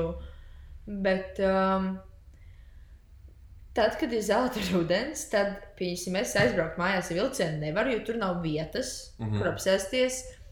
Vai arī es nevaru iziet ārā, jo tur ir cilvēki daudz. Ir sastrēgums Siguldā, piemēram, kas vispār ir jocīga lieta. Tā kā ir reāli full Sigulda ar cilvēkiem. Tu nevari aiziet uz domu, iedzert kafiju, jo tur ir cilvēki. Es esmu redzējis to ten. Um, ak, mans dievs nevar atvērt to pudeli vaļā. Es esmu redzējis, kā cilvēki liek Facebookā video, kur vienkārši brauc uh, kā iekšās, nē, Jā, ār, jā. ārā no Siguldas vai iekšā šoseis Un, un vienkārši tā kā kilometriem Mm. gara rinda. Un man ir vienmēr tāds, kāpēc? Jā. Nu, ok. Bet atkal Sigūdnieki man saka, ka Sigūda ir skaistāka pavasarī. Bet pavasarī neviens tur nebrauc. Sigulda ir skaista gandrīz vienmēr. Vienmēr, jā. Bet, Ziemā, ja godīgi, man ziemā patīk vislabāk. Viss tas amazing. hmm, es šo Tāpēc, to ka, pierakstīšu kaut kur. tāpēc, ka tagad aiziet uz tām basic spotu vietām, piemēram, glaznotā kalns, kur tu redzi senlaju, ir, ja, bet tad vajag sniegu sniegt. Piemēram, ja ir vienalga, vienalga pat saulaina vai nesaulaina, bet tas sniegs tajos, tai senlajā izstāsta nenormāli kruti. Un ja vēl ir mākoņi zem ārprāts, jā, manuprāt, pat kaut kādā ziņā vēl, kā to izskatīt, vēl, vēl, vēl skaistāk, citādāks, nezinu. Manuprāt, nu tā kā. Es Sigūdā biju diezgan sen. Tas bija laikam vasara. Mēs aizbraucām uz rodeļiem, Mhm. protams. Protams. Jo, nu, bet es neizbraucu nevienu reizi, jo man vienkārši bija. Pat tad man jau bija žēl naudas. Ja domāju, tik ļoti. Rodās maksā Es- 2 eiro. Tā kā vienkārši nobraukt lejā divi eiro. Un Neiet- uz braukšu ar krēslu. divas. Ar krēslu braucot, ir šausmīgi skaists skats, ja godīgi. Varētu būt. Tāpēc tur uh, ir viens posms, kur tieši redz gaujas, tā kā līkuma izstāsta ļoti forši. Mm. Bet to nevar redzēt arī no Vēlnerata? Nē, var no vis kaut kurienes redzēt, bet Ah, tā kā- ok. ok. Jā, es biju pārsteigts, ka tas vēl, ka Sigūda tik maziņa, ka kāds bija tas restorāns, kur mēs dzē- iedzērām ar Sindiju kopā vēl. Kad Doma. toreiz braucu par šīm atrašu pakaļ. Doma. A, doma. Un mēs kā braucam mazliet tālāk, un tur jau ir tas Vēlnerats. Kāpēc tas tik, tik ļoti Kā tu blakus? viņu sauc? Vēlnerats. Kāpēc vēl neredz? Es nezinu, kur tas tam latviešu nav pareizi Vēlnerats. Padarāms redz. Kaut kur es dzirdēju Vēlnerats. Tas nav kaut kādā citur kaut kur. Es nezinu, Nu, tas es ir vienmēr Padarāms saku redz. spīzdīgs, tāpēc gan jau es vienkārši nemāku runāt. Jā, lietas, Matīs joprojām ir no Latgales. I mean, yes. Jā. Nē, nē, tas ir padarāms. Jā. Bet ar, piemēram, padarāms redz vispār. Viņ, tu zini, cik viņš ir vecs? Es Vairāk kā saprašana. Es varu Viņš iedomāties. ir šausmīgi vecs. Uh, pāris gadus atpakaļ bija ziņas, tur Sigūdas avīzē un tā, ka viņi grib nojaukt nost. Oh! Es godāts apraudājos. Tāpēc, ka tā ir visa bērnība. Tā ir mana bērnība, tā ir manas mammas bērnība, iespējams, arī manu opu bērnību. Nu, kā, viņš ir prikulīgs, lai viņš, ok, viņš nestrādā, bet viņš tur paliek. Tā Viņš kā, nestrādā. tā, viņš strādā, viņi viņu sāk, tā kā tur bija lielā apskate un pārbaudīja, ka viņš tomēr ir drošs un viss ir kārtībā. Ah, ok. Tā kā es ar viņu regulāri izbraucu, cik nu regulāri. Reizes divos gados stoču viņa izbrauc, tāpēc, ka vajag. Nu, tā kā Jā. man patīk, ir forši. Es viņu tā neesmu izbraucis nereizi. Vajag, ir, ir bailīgi, tāpēc tas tas augstu, bet ir ļoti smuki, ir forši. Hmm. Nu, es pat dzīvi esmu augstu. Jā, Divmetrīgais Matīs divmetrīgs, atsaucās. jā. Bet nē, nopietni, tā kā, jā, bet es atceros, ka viņi gribēja viņu nojaut, un man bija tāds, nu, lūdzu, nē, nu, tā kā, lai, ok, lai viņš nestrādā, bet lai viņš vismaz paliek, nu, tā kā, ja tas tā kā tāds piemineklīts. Tas vēl nerāds ir kā Eifeļa tonis Parīzē. Jo Eifeļa toni actually kā uzbūvēja vienkārši vienam pasākumam, Mhm. un viņi grasījās tā kā pēc tā pasākuma kaut tāds Tur bija, kaut kāds karnevāls vai kaut kāds tirgus, ka- kaut kas tur baigi lielais tur Bet notika. tur es domāju, ka dzirdēju, ka vispār Eiffeltonu gribēja celt citai pilsētai vai kaut tā- valstī. Vai kaut kā tā tur bija jocīgi. tā Jā. sapisies, jā.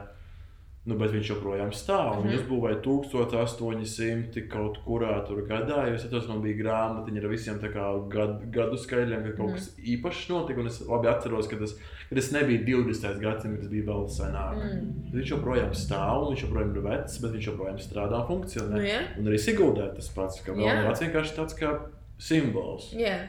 Tāds mazais London eye. jā.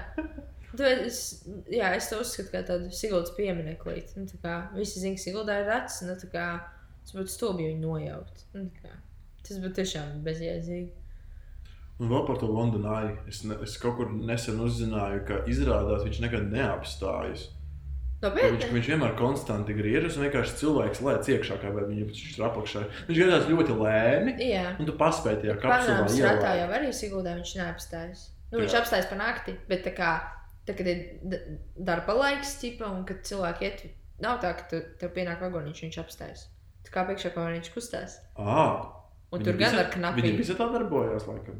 Iespējams. Wow. Tas, tas būtu čakars, es nezinu, tad sanāk, Katra, tad vienkārši vesels aplis jāveic pusmetra ir iekāpšana. jāapstājas vai nu kaut kā. Ui, es par to vispār nebiju iedomājies. Tāpēc, ka viņš laiku iet vienmērīgi, jā, jā. Wow, mind blowing. Mm. Kur es vēl Sigūdā biju? Es biju pilī, rundāls. Nē, fuj. Tur fuj, Rundāls pils. Stulbenis. Kā viņi saucās? Pilsdrupās, tu visi Siguldas Ah, kā pils. Sigūdas pilsdabas, jā? Jā. Nav nekāds īpašais Nē, nosaukums. Siguldas pilsdrups un ir arī turēts. Tur. Tu biji Siguldas, no Siguldas pilsdrupām redz turēts to, kas ir oranža. Jā. Nu, ja tu biji Siguldā, tad tu biji Siguldas pilsdrupās. Turēts Jā. pilsdrups ir otrs puses gaujai. Ah, Tu biji Siguldas pilsdrupās. man ok. liekas. Un vēl es biju Kur ir tajā... skatuve liela? Nebija vēl skatuves man šajā tajā laikā. Nē, nu, tur jābūt skatuvei. Tur Bet vienmēr, tas, es biju ļoti sen. tur vienmēr ir skatuves mūžā. gan jau ir bijusi skatuvē, jā. Tu vienkārši neatceros. kur tu biji. Es vispār neatceros. Es atceros tikai to dīvainā paskatās spogu, spoguli, pulksteni. Tur bija tāds pulkstenis interesants, skat, tāds zils, ja nemaldos. Pilsdrupās? Jā. Nu, pilī bija pulkstenis. Vai arī es, kaut, vai arī es šobrīd kā ļoti halucinēju lietas. Nē, es varbūt tikai šos ievērojos, bet es nezinu, par ko tur ir. Oh, wow, ok, sikūnieks maz, zina mazāk par rītu Nē, Daugavpilī. nu, vienkārši, kad tu dzīvo tur, tad tu gan jau, nu, Jā, ja tā, tie, tā tiešām ir. Jo, piemēram, Siguldas pilsdrupas ir um, vairs nē, bet tad, kad es biju teenagers, tā bija populārākā vieta, kur mēs jaunieši gājām. Pieņemsim, ir īpaši vasarās, pilsdrupas bija party place. Aha, Tu aizbrauc ar šmigu, protams. ar kārtību, spēlē blackjacku, čilo. Es pārsvarā biju tur ar vienkārši kaut kādiem 20 čekiem. Tieši čilo, iedzer, spēlē kārtas, rēdz kaut ko, klausos mūziku. Tad ap 11, 12 piebrauc mēģināt, tad atpūst pudeles, un iesbrauc prom, tad turpin tusēt.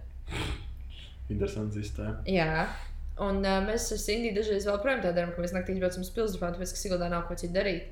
Un tā kā vasaras naktis, man liekas, ka mūžīgi būs tā kā tā teenager sajūta, ka tā kā vasaras naktīs tu brauc uz pilsētu. Tā kā mēs braukājām ar rīčkiem, vienkārši, Siguldā nav ko darīt. Tur nav bāra, tur nekā nav.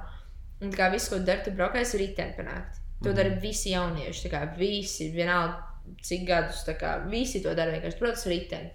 Un naktīm aizvāc ar rīčku uz pilsētām, kā pačilo. Tad kaut kur aizvāc uz citu spotu, bet pārstāv tas vienkārši ir pilsētas. Tad tur sēdi, satiec citus. Tā. tā kā ir jauki. Hmm. Interesanti. Jā, ir ļoti forši. Bet Sigūda tiešām nav ko darīt. Tik, tik slikti ir. Nu, vai, vai iedomājieties, tur jāvar aiziet uz kāņa, piemēram. Tā kā tāds aizem kaut kur, vai aizem uz kāņa, piedzert tāliņu. Jā, Kā un tas ir 5 minūšu jautājums. Siguldā nav bāru, tikai, Tur, bija tikai viens. uh, kur ir aiztaisīta cieta, un tagad ir uh, koronas dēļ, bla, bla, bla. ah, ok. Um, un uh, nu, ir tagad tajā pie pilsētām ir tā tas pilsētas laukums, kurš pēdējos divus, trīs gadus ir attīstījies. Tur ir tā kā bērčiks. Paldies mm. Dievam. Um, tā, kā tā ir tāda vieta, kur arī var aiziet. Un tur ir notiekusi tādi koncerti. Un, nu, tā kā pilsētas laukums tagad rītīgi attīstās Siguldā. Tas ir forši, bet tas arī nesen parādījās. Bet nu, tāpatās. Nu, tā kā, nav baigi. Nu, arī kas kad, katru vakaru ies uz to pilsētas laukumu. Nu, nē. Nu, jā. Rīgā tev ir pilns ar vietām, ko tu nezini. Pasēdi krāsmā vienu vakaru, un otru vakaru tas Andrejs. Nu, tā kā ir vairāk iespējas. Nu, Siguldā tas spot, ja tu tur dzīvo uz vietas, tad tā kā apnīk, jo siguli ir Mm, maziņi. Ja tur jā. Rīgā dzīvot, tāpat atradīs kaut ko citu, vai nu, kā, Jā. ir tik daudz iespējas, ka viņas mainās, un tu jau aizmirsti to iepriekšējo, tad var atkal atgriezties. Nu. Protams, jā. Jo bāru, uz- iz, bāru izvēle Rīgā vienkārši nežēl. Jā, gigantiska šausmas. Es vispār es, es, es eju uz vienu un to pašu vietu, jo cik gadus es pat nezinu par pusi bērniem, kas eksistē. Man zina vairāk par mani nekā es. Varētu tā būt. Nu, Godāts, tāpēc, ka es eju uz vienu to pašu vietu. Kā ņepi. Jā, es mīlu kaņepju, ja kaņepju man nesponsorēs kādreiz, vai es nezinu, kam ir. Es nezinu. Bet mani pat mazliet biedē, kā ņep. Viņiem stāv tas komunas skapis, un tas skan tik baisi, ka Kāpēc? kas tā ir par komūnu, kas tā par sektu tagad tur radās? What the fuck? Tas skats ir priklīga lieta. Ko, ko, kas, kā, kā viņš funkcionē? Tā kā tik smieklīgi. Sekta. Runājot par un visiem komunas skapiem sektu. Um, tur ir arī tas grāmatu kastīte. Es to es esmu pamanījis. Jā, ir grāmatas, tur paņem balvā. Un vienreiz viens čeks pienāca pie manis, ar vēl vienu, sēdēju ar Edžiņu, Mhm. un es sēdēju ar Rītu vai kaut ko. Es čels pienāku, mums pats jums ir cīgi, es saku, nē, mums nav, mēs jums studenti nav naudu nedosim. Nu, tā kā, bet es tā Jā. jaukāk pateicu. Nu, jā. Viņš ir pieaudzis vīrietis, Jā. viņam ir 40 toči. Okay. Nu, es saku, mēs esam studenti, mums nekā nav, viss baigi. Nu, tā kā. un viņš tur kaut ko, "Ē, kaut ko man liekas, viņš pēc tam uzdirž, nu, kaut kā tā. Un bija tāds, pirmkārt, es esmu sieviete, nē, es teicu, man liekas, ka, kāpēc? Nu, tu, tu pieaudzis vīrietis, man prasa cigareti. Es atvainojos, nu, tā kā mums jauniešiem, mēs visi sīkie palielinām, esam, tā kā, ko tu gribi no mums? Nu, tā. Nu, ok, viņš aiziet prom, viņš brīdī man atkal pienāk klāt pie mums. Viņš man kaut ko tur teica, neatceros. Un es tā kā domāju, labi, es parunāšos ar viņu. Nu, tā kā, bet, nu, viņi ķipi augi. Mēģināju saprast, ko viņš grib, kas ir viņa problēma. Viņš ir pārlīdzīgs vai viņš vienkārši ir jocīgs. Nu, kā, un es kaut kur runāju, runāju, mēs aizņēmāmies par grāmatām. Ja? Jā. Un viņš tā kā, cik es saprotu, viņš ir ticīgs, man liekas, ka Dievs, bet viņš šajā pašā laikā runāja arī par meditāciju vai ko tādu. Ļoti jocīgi galam. Ah, Tu nu, ir mīlējās reliģija. Jā, Cik protams. cilvēku tik ir re Jā, reliģija? tieši tā. Tāpēc es nesapratu, un es neiedzinājos un neinteresējos, jo man tiešām neinteresē, bet es tā kā vienkārši ar viņu runāju, jo viņš vienkārši kaut ko man satvainojos piepisās ļoti. Un, um, un blakus sēž mans draugs un vēl viens čalis. Viņam pilnīgi vienalga. Tāds, tā kā, nu, ko tu dari? Un, um, un mēs sākam runāt par tām, ja viņš teica, tur ir man grāmata, tu paņem. Es saku, ok. Es domāju, nu labi, nu, moši reāli interesanti. Viņš tas nebija garlaicīgi, ko viņš stāstīja. Bija ļoti interesanti. Tikai tā nav lieta, pie kā es pievērsos, bet kāpēc par to neizlasīt? Viņš tas apnāk, es tā kā, nu labi, nāc parādi, kur tā grāmata ir. Viņš man iedeva viņu. Tā arī es viņai aizvedu mājās.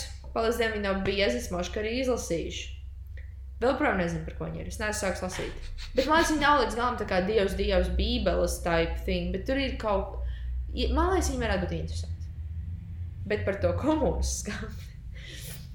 Uh, tur ir prikals, ka, ja tev pieņemsim, nezinu, tu ēd olas, un tai pakā ir desmit, tev paliek viena pār tev, viņa nevajag. Tu vienkārši aiznes uz turieni, varbūt būs kāds cilvēks, kuram vajag to vienu olu, un viņš aizies pakaļ, jo viņam nevajag desmit olas. Sapratu to domu. Nē. Vienkārši ēdienu, tu daudz skapīgi, that's it. Tas ir ļoti pēc sektas skan. Kāpēc? Nu, kāpēc lai kāds nestu uz komunas skapi vienu olu? Nu, es nezinu, tas ir piemērs tāds. Es Nu, nezinu. jā, bet Bet, ja piemēram, tu brauc, tu zini, tu brauc ceļojumā, tev ir pilns tāds, ka ir rēdiens, tev žēl, mēs tā aiziesim tur, viņi jau kaut kādā bombzītī noderēs. Nu, ķipa. Vai varbūt nu, nu, labi, kādam ja, vajadzēs? labi, tagad es skaidri saprotu to prikolu. Nu, tā kā man liekas, tas tā tas strādā. Bet viņš vairs īsti nedarbojas. Jo viņš bija īsti pirms koronas, visas situācijas, Ā, un tad, tā kā korona bija, tad tā viss bija weird. Kā, bet viņš sākumā diezgan normāli strādāja, tad tiešām notika kustība. Cilvēki arī viņiem ir kaut kāda kūka, viņiem viņa aizies, kāds paņem viņu. Nu, apmēram. Es gribu mazliet padusmoties uz skaņepi. Tādā ziņā, ka Nu. ir liela, bija tā lielā zāle, ja, kas bija tiešām liela, nu, aizbāra tajā pusē dziļumā. Jā, blakus viņi tur, es atvainojos, tā bija mana mīļākā tā apkaņa. Ko viņi tur tagad uzsver? Tagad viņi uztaisīja to ēdināšanas lietu, Mm -hmm. kas tā kā vispār nemeiko sens. Viņi strādā trīs stundas dienā, man liekas. Viņi ir tikai pusdienās, vai kaut, tur kaut kādi no 11 līdz tur 4 vai kaut kādos Tur jocīgos. vispār ir kaut viens cilvēks, kas tur tiešām ēd. Nezinu. Es pat Aizējām pamēģināt kādreiz, bet tur noteikti ļoti garšīgi. Bet aizējām pamēģināt. Varētu riskēt. Nu, I Bet- mean, cik tad kvartālu divi no šejienes? Man liekas, šis vakars beigsies tiešām kaut kā. Kaņepē, ja? Uh, bet, um, jā, es arī biju dusmīga, jo tā bija mana mīļākā telpa kaņepē. Mhm. Es vienmēr, tā kā man liekas, izdevies, es kaņepē, es visdrīzāk būšu tur. Nu, tā Mhm. kā vienmēr tajā galā. Tur bija tik jauki. Jā. Ja tā bija liela zāle, kur visi varēja salīst. Es atceros, ka vēl nebija tā foodkorta. Jau bija tādi vakari, kad, piemēram, tavā ģimenē, man šķiet, kad mēs pasēdēšanas attaisījām.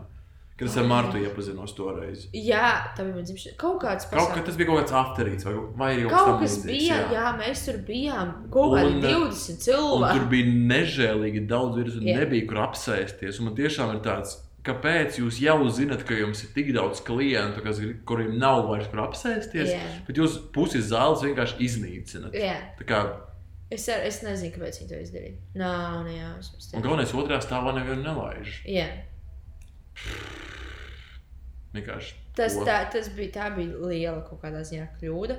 Jo tagad, kā, ja mēs piemēram tagad šo, šajā mirklī aizietu skaņepi, mums nebūtu kur sēdēt. Mums ir augsts. Noteikti. Ārā iet tikai uzpīpēt, Jā. vēl var būt pasēdēt ārā, gan jau vēl var pacēsties, ja tu kārtīgi saģērbies, bet tāpat tās. Nu, tā kā, Jā. nē, actually šodien man sāla rokas, tā tad nevar. Nu, tā kā, mm, nebūtu, kur sēdēt, nu vienkārši nebūtu. Jā. Jā, tas ir bēdīgi. Man arī nepatīk tas. Man vēl ļoti ilgi likās, ka kaņepes kultūras centrs vienkārši tāds.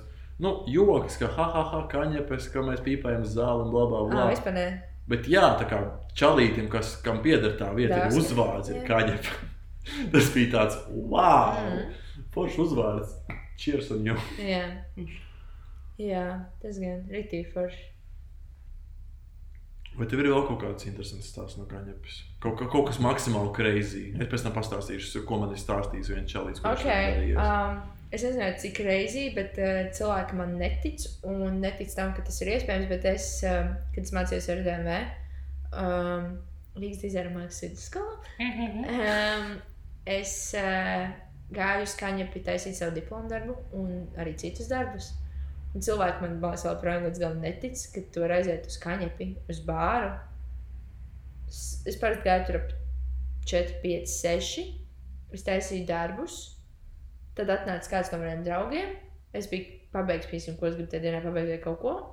Es pat dažreiz strādāju, vienkārši dzēru aliņu. Viss. Es tur varēju sēdēt un strādāt. Un neviens man netic, ka tas ir iespējams. Bet, kā es kaņepē, bija laiks, kad kaņepē bija katru dienu. Tas vispār nav joks. Tā kā es biju katru dienu. Jo es gāju vai nu vienkārši iet uz draugiem, iedzert, spēlēt kārtas vai strādāt. Bet es tur biju vienmēr. Wow. Un, tā kā, tas man nenormāli, tāpēc man ļoti patīk kaņepē, jo es tā kā zinu, kas tur var darīt jebko. Ir bijušas reizes, kad ir, bija kaut kāda vasara, kas vienkārši nebija ko darīt. Es aizgāju vienu pati ar Harry Potteru, vienkārši sēdēju teras, dzēru aliņu un vienkārši lasīju Harry Potteru. Un tur vēl bija tādas sauļošanās zviņu krāsas, vienkārši iesēdos, lasīju grāmatu, vienkārši dzēru aliņu. Nu, tā kā man tā patīk kaņepē. Man nenormāli patīk kaņepē. Tu esi stāstījis par to, ka tu strādāji tur.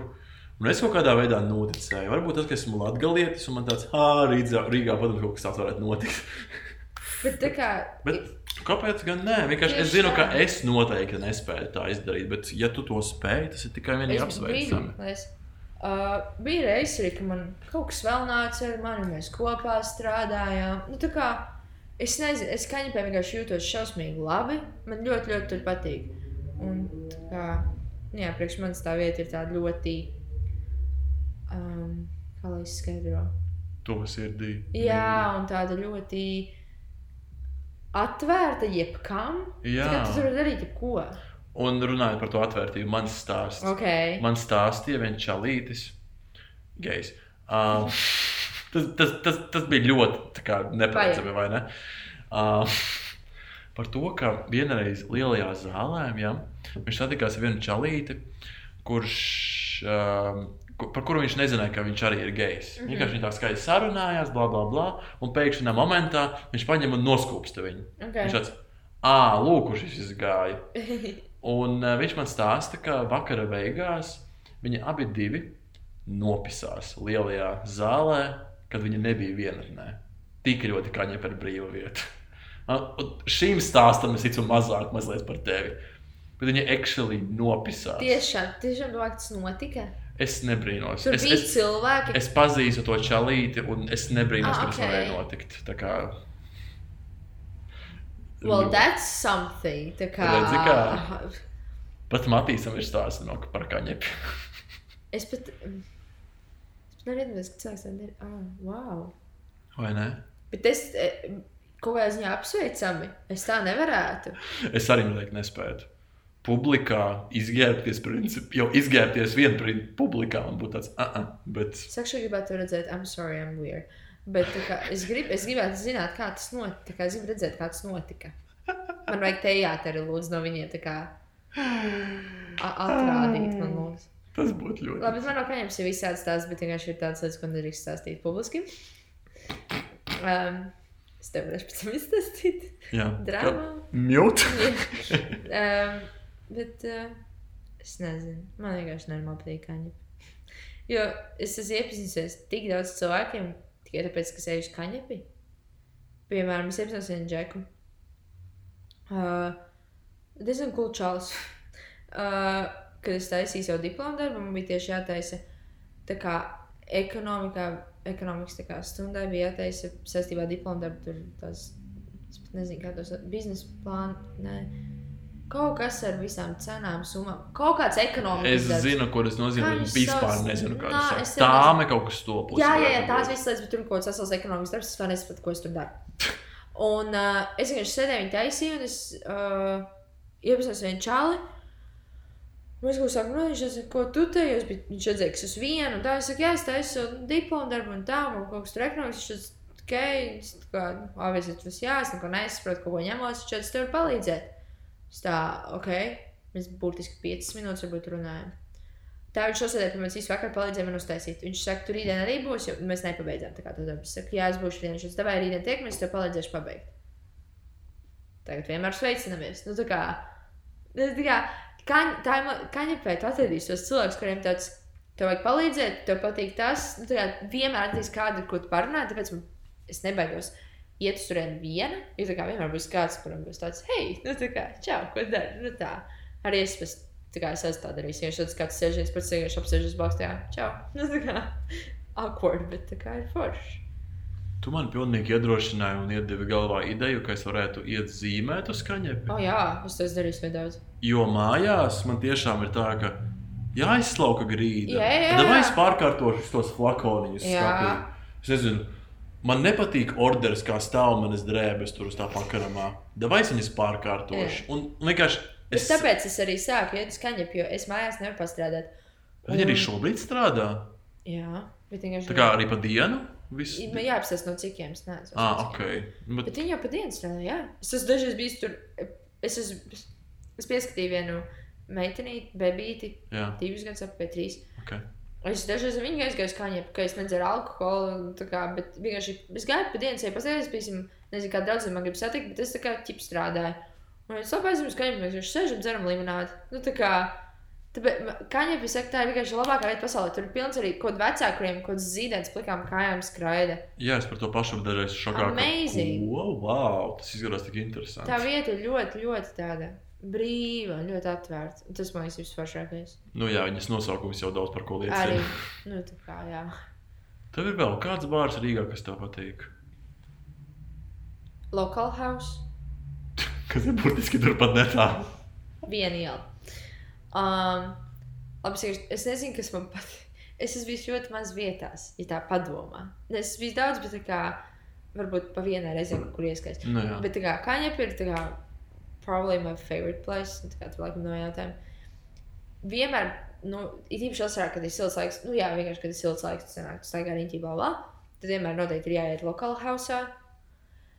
Tur, es ceru, ka es neklausos, kas ir no lokālā hausa, bet tur kādreiz bija ļoti labs balīts. Es nezinu, kur viņas pazuduši, vai arī korona to ietekmē, es vienkārši neatceros neko. Mm -hmm. Uh, bet jā, local house, un tad gadās aiziet līdz labietim. Tur ir forši, bet kā jau te uz labietu, zinu, tu dzers tikai alu, un es I prefer vodka un tā. Um, Tallinas pagams man nepatīk vairāk īsti. Jo. Komerciāls, un tur ir čiksas īsajos svārciņos, tāds lietas, ka viņas no kojutiem nāk. Nu, tur ir tāda tauta. Tieši šogad to pamanīju. Es kaut kā to nebiju ievērojis. Tāpēc es tā kā esmu confused par to vietu šobrīd. Tur ir nenormāli forši. Man tur vienmēr patika, bet tad kaut kā es tā piefiksēju tādas, nu, tādas ne, ne cilvēks, ko tu iedomājies, ka būtu tur. Uh -huh. Un tad man palika tā, uh, weird. Tā kā Rītars teica, ļoti komerciāla vieta palikusi. Bet tā vispār varētu būt, ja tur ir ezītis. Un tas jau uzreiz Jā, tā mazliet kaut kā, Jā. nezinu, nojauc to gr- underground vibe Jā. mazliet, jo tas jau ir komerciāli Jā, vieta, jā, jā. ja a.k.a. ezītis, jā, Jā. kurš ir laikus katra stūra, un Jā. tad Daugopila ir ezītis, to zinu, zinu, zinu. Es es tur- es tur- viņam iet ārprāts, cik forši. Tur ļoti, bet tur ļoti daudz cilvēku visu laiku Nu, jā. Tā kā ļoti populāra vieta. Es tur pasūtīju vienreiz Cēzara salātus. Negaršīgākā lieta pasaulē - Daugopilī, akmenzijos, fuj, Viņi nemāk taisīt. vispār nemāk taisīt. no laukiem, viņi tieši makauts, viņi tur viņam ielēja. Nu, šmakauts viņa būtu forši, ka viņi tur ieliet iekšā. Es mums kaut cik būtu priecīgs no tādiem salātiem, jo tas bija vienkārši briesmīgi. Okay, Ne, labi, garšīgākie Cēzara salāti, ko esmu ēdis, bija Berlīnē. Mēs viņam samaksājām tādu naudu, ka, Viņi dārgi. ka viņam vajadzēja- restorānā. ka viņam vajadzēja vēl nosēties uz galvas un uzdziedāt Berlīnas, hi- ne Berlīnas, bet Vācijas himnu par to naudu. What the fuck? Jo tas bija Tas bija tik tur, kur sēž dārgi. salāts ar to ķēnguru gaļu. Jā, jā, jā. Bet jā. viņi bija ļoti garšīgi. Protams, ka viņi bija garšīgi, jo viņi maksāja tā kā kreisā niera. viņi maksāja? Es neatceros. Mani salāti maksāja 15 eiro. Laikam tā arī bija. jā. Viņam gan maksāja vēl vairāk, tur bija bija gaļa. ķēnguru gaļu. jā. What the fuck, kenguru Bet bija gaļa? vērts, tā bija ļoti skaista ejam. Tā bija šausmīgi stilīga vieta, bet šausmīgi dārga vieta. Tā kā vajadzēja. nepriekš LU studentiem. Nē, bet mēs visi, mums bija tik lēts trips, ka vienreiz mēs varējām to dārgo prieku. Mm, Mēs visu laiku ēdām diezgan dārgi. Daudz. Es reāli neatceros. Es tikai atceros, ka tā kā konkrēti, ko mēs ēdām. Tev izmaksāja visu laiku. Iemesls tam man bija nauda. Bet viss kārtē. Man bija viss kārtē, un es ne, neatcerējos to, ka Berlīnē ir visur skaidri. gandrīz. Jā, un man bija tāds šoks, ka Draugi, liekas, atcerieties to. Jūs braucat uz Berlīnu, tur tiešām bija skaidra tur nauda. viss ir Gandrīz tikai visur. vienīgi skaidrā. Un tāpēc man visu tripu maksāja rīturs, jo man vienkārši nebija skaidra nauda. Es maksāju kaut kādos muzejos, es atceros, visur, kur es varēju, es maksāju kā par rīturu, jo man Jā. bija tā kā, nu, tas stulbs sajūta. Um, bet jā, es no Berlīnas atceros, kad uh, es atceros, ka, jā, ka mēs ēdām tos salātus tajā dārgajā vietā, un es atceros sushi bāru pie netālu no mūsu mājām. Jā. Nu, pie metro stācijas, bet es neatceros īsti, kur mēs vēl. Vēl mēs vienreiz brokastojām, brokastojām ar to ten, ar, uh, kur es pagaršoju sviestmaizi ar avokādu, un man iegaršoja tas bija pēdējā rītā, Tas bija pēdējā rītā, mēs jā. braucām uz lidostu. Jā. Nē. Jā, Nē. jā. Kad mēs gājām uz muzejiem, tas bija. Ah, okay. Mēs pamodāmies Demijāna dzīvoklī un uzreiz pisām taisni prom uz lidostu. Ā, jā, taisnība. Jā. viena tad diena iepriekš vai kaut kā. Stāsts par Demijānu. Tas, bija- tas bija tiešām Okay, ļoti mēs ar. Matīsu pagājušajā gadā, pirms pusotra gada, pagājušajā gadā 30. maijā, es to zinu, protams, um, braucām tripā uz Berlīni. Es, Matīs, Ritvers un Annija. Jā, mēs kursabēdi braucām uz Berlīni, jo mūsu mākslās tur skolotē bija domājis, ka mums jābūt uz Berlīni, jo Bauhaus simtgada. Kaut kas tāds tur bija. Jā. Jā. Um, mēs tipā aizbraucām skolas tripā četri cilvēki. Skolotājs uz divām dienām un dzērām ar viņu alu. Bet, um, jā, mēs bijām Berlīnē, kas ir, man liekas, joprojām mans mīļākais trips, kāds ir bijis. Man YouTube kanālā ir vlogs, jā. kurš ir ļoti stulbs. ļoti jautrs dabas. jā, un uh, jā, mēs, um, mēs, mēs, mēs dzīvojām hostelos, Hostelī, hostels, jā. jā. Uh, mēs, diemžēl, dabūjām piecvietīgu numuru, piecvietīgu jā, numuriņu, kur ir piecas gultas, bet mēs bijām četri. Un tāpēc mums bija kaut kāds random čalis, vecis, kurš gulēja pa dienu, un naktī viņš nebija. Nav nejausmas, ko viņš darīja tajā Berlīnē. Atceries? Viņš arī bija kaut kāds strādnieks. Jā. I hope so. Bet tā kā bija ļoti interesanti. Un tad mums no, bija tāda stela, ka mēs, mums uz pēdējo nakti nebija kur gulēt. Jā, mums bija tāds, mums bija tāds prikoliņš, ka vai neņemsim pēdējā. Jā, naktī, tur bija kaut kas, ka man liekas, es, jo es pēc tam nebraucu uz Latviju, braucu uz Londonu, un man liekas, man bija diezgan salīdzinoši daudz lētāks biļetes tajā nākamajā dienā. Un es sarunāju ar jums, ka vai paliekam vēl vienu dienu ilgāk, jo jums biļešu cena nemainījās. Jā. Bet man mainījās uz Londonu. Okay, jā. Man liekas, kaut kas tāds bija. Un, uh, bet, un tam bija tāds, ah, labi, vai neņemam to pēdējo nakti. Kaut kur parkā vienkārši. Vienkārši kaut ko, dzīvosim, jā. jā, pašām vienkārši pastaigājām pa Berlīnu. Nu, tā kā visiem tāds, jā, vai. Paldies Dievam, tas nenotika. Es būtu aizmigusi kaut kur uz ielas. Vienkārši man Noteikti. noguruši šausmīgi, jo mēs tik daudz ko darījām. Bet mēs kaut kāds trīs dienas pirms braukšanas prom satikām par kādu džeku, vācieti ber, no Berlīnas, Dēmienu, ar kur mēs vienkārši sākām čilot, runājāmies, aizdzērām viņšiku, un viņš mums piedāvāja palikt pie viņa to pēdējo nakti. Tas bija reāli krūtis. Tas bija tik skaisti. Tas kā reāli, reāli krūtis.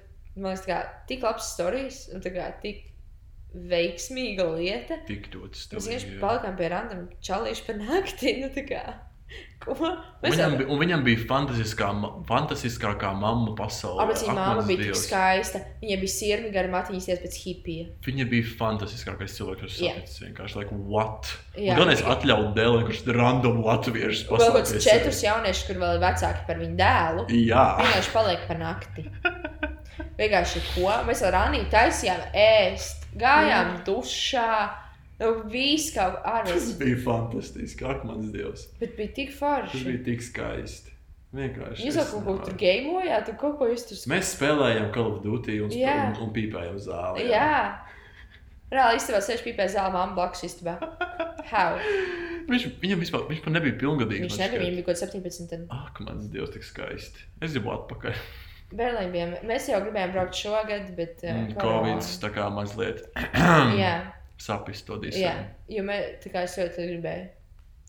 Mums Bet jā, ja jūs gadījumā domājat, ko braukt, Berlīna ir ļoti labi Berlīna izvēle. tiešām. nu, Kā, es pat nezinu, kā. Bet... Jo uz katra stūra ir piedzīvojums kā Es, es, es nezinu, Ah, es nezinu, teledisko.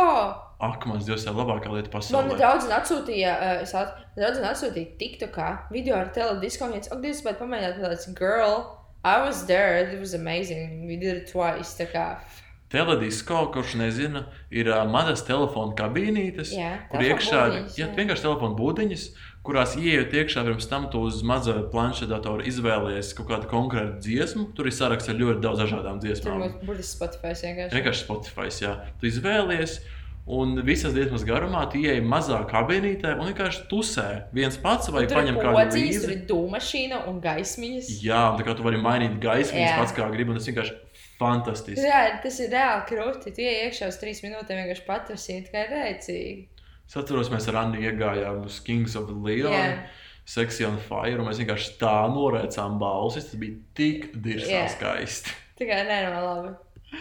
Vienkārši, un, un galvenais, jebkura tā kā visa uh, piekraste, tā jau- kā bija tā būpa Berlīnē, es neatceros. Labi, tā Jā. piekraste, uz katra stūra sēž kāds, kurš kaut ko tur ēd vai iedzer. Jā, Un vispār tas skaistais moments, kad tu drīkst dzert uz ielām. Jā. Es tiešām nesaprotu, kāpēc Rīgā tā nevar jā. izdarīt. Nu, tāpēc, kad būtu bardaks.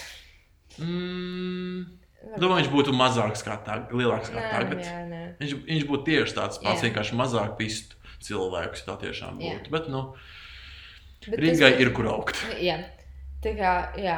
Berlīnas trips bija tiešām brīnišķīgs. Jo man tā kā Vācija un Berlīna ir patiks jau no bērnības. Tas ir iemesls, kāpēc es mācījos vācu valodu, piemēram, nevis krievu valodu un Jā. vēl visādas lietas.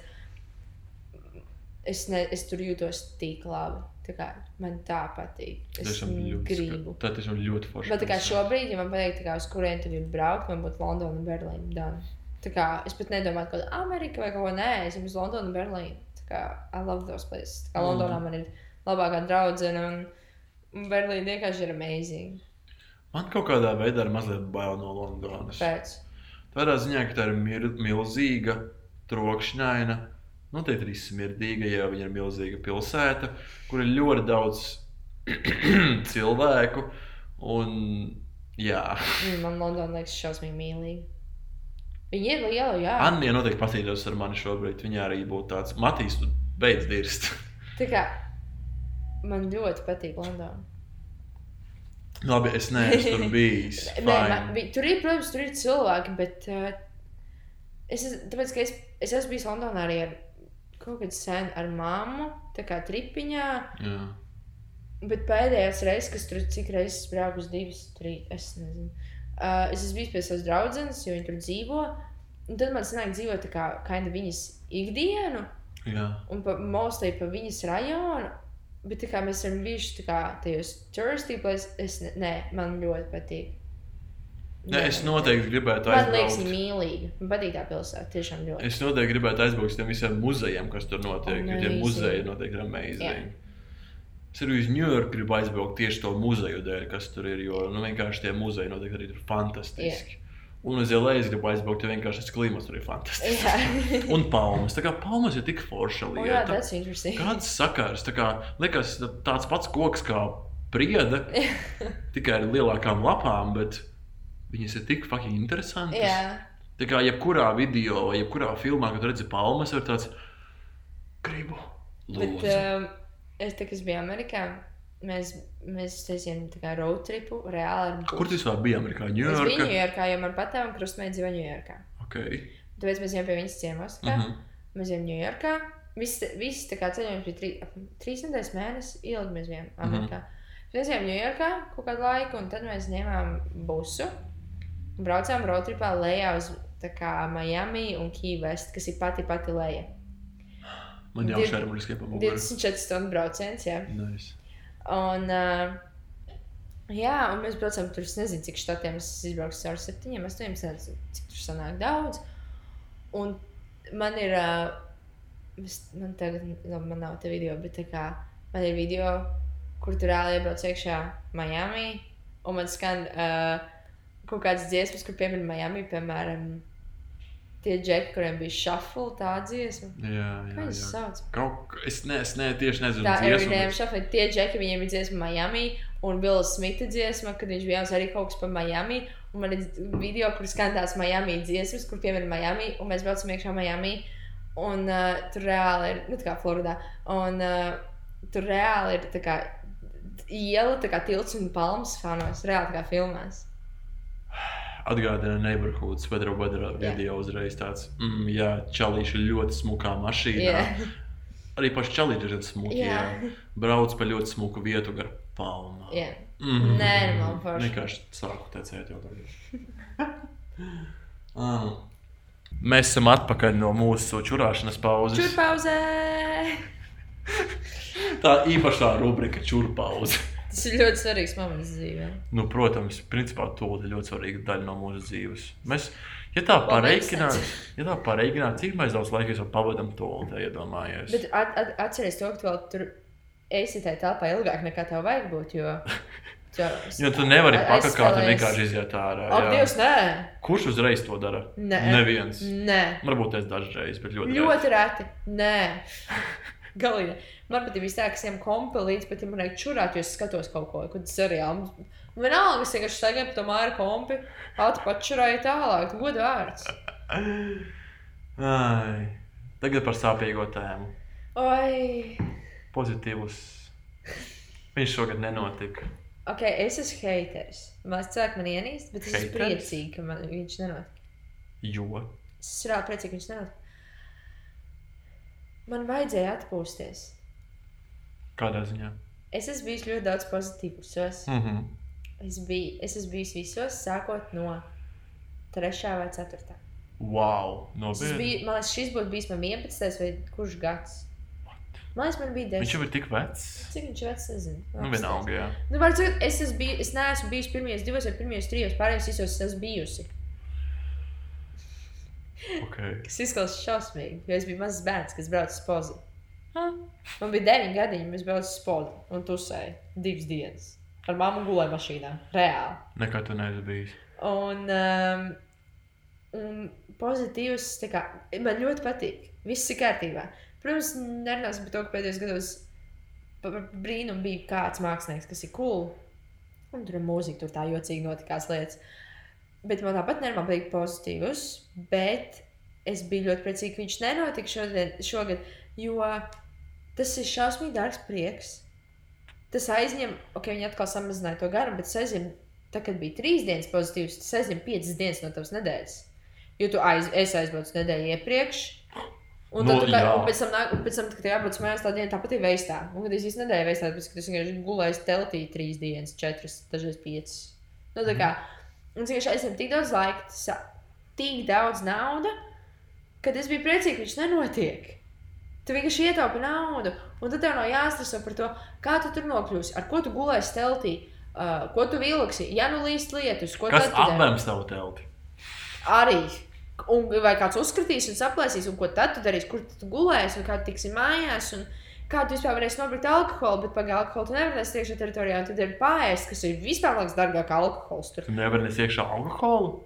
teritorijā, ne telšu pilsētiņā, jā. Ah, ah okay. nu, tā kā, un tad arī, piemēram, tu gribi aiziet iedzert, no nav, tev ir nopirkts alkohols, kas tev telšu pilsētiņā. Lai tu nonāktu no teritorijas līdz telšu pilsētiņai, tā ir vēl kaut kāda pusstunda. Nopietni, tik slikti tur ir. Nu, tā, nē, tāpēc, ka ilgi ir jāiet. Ah. Nu, jā, tu vēl velcies, un tur vēl kaut kas, tad ir jātiek pāri šosei, kur stāv menti visas tās trīs dienas. Un, Jo tu braukā mašīnas, Nu, un tā kā protams. taisa to satiksmes veidošanu. Nu, tā kā, tas ir. Jā, kaut kādā ziņā tas ir vienkārši. Tu izbaudi, bet ir čakars arī.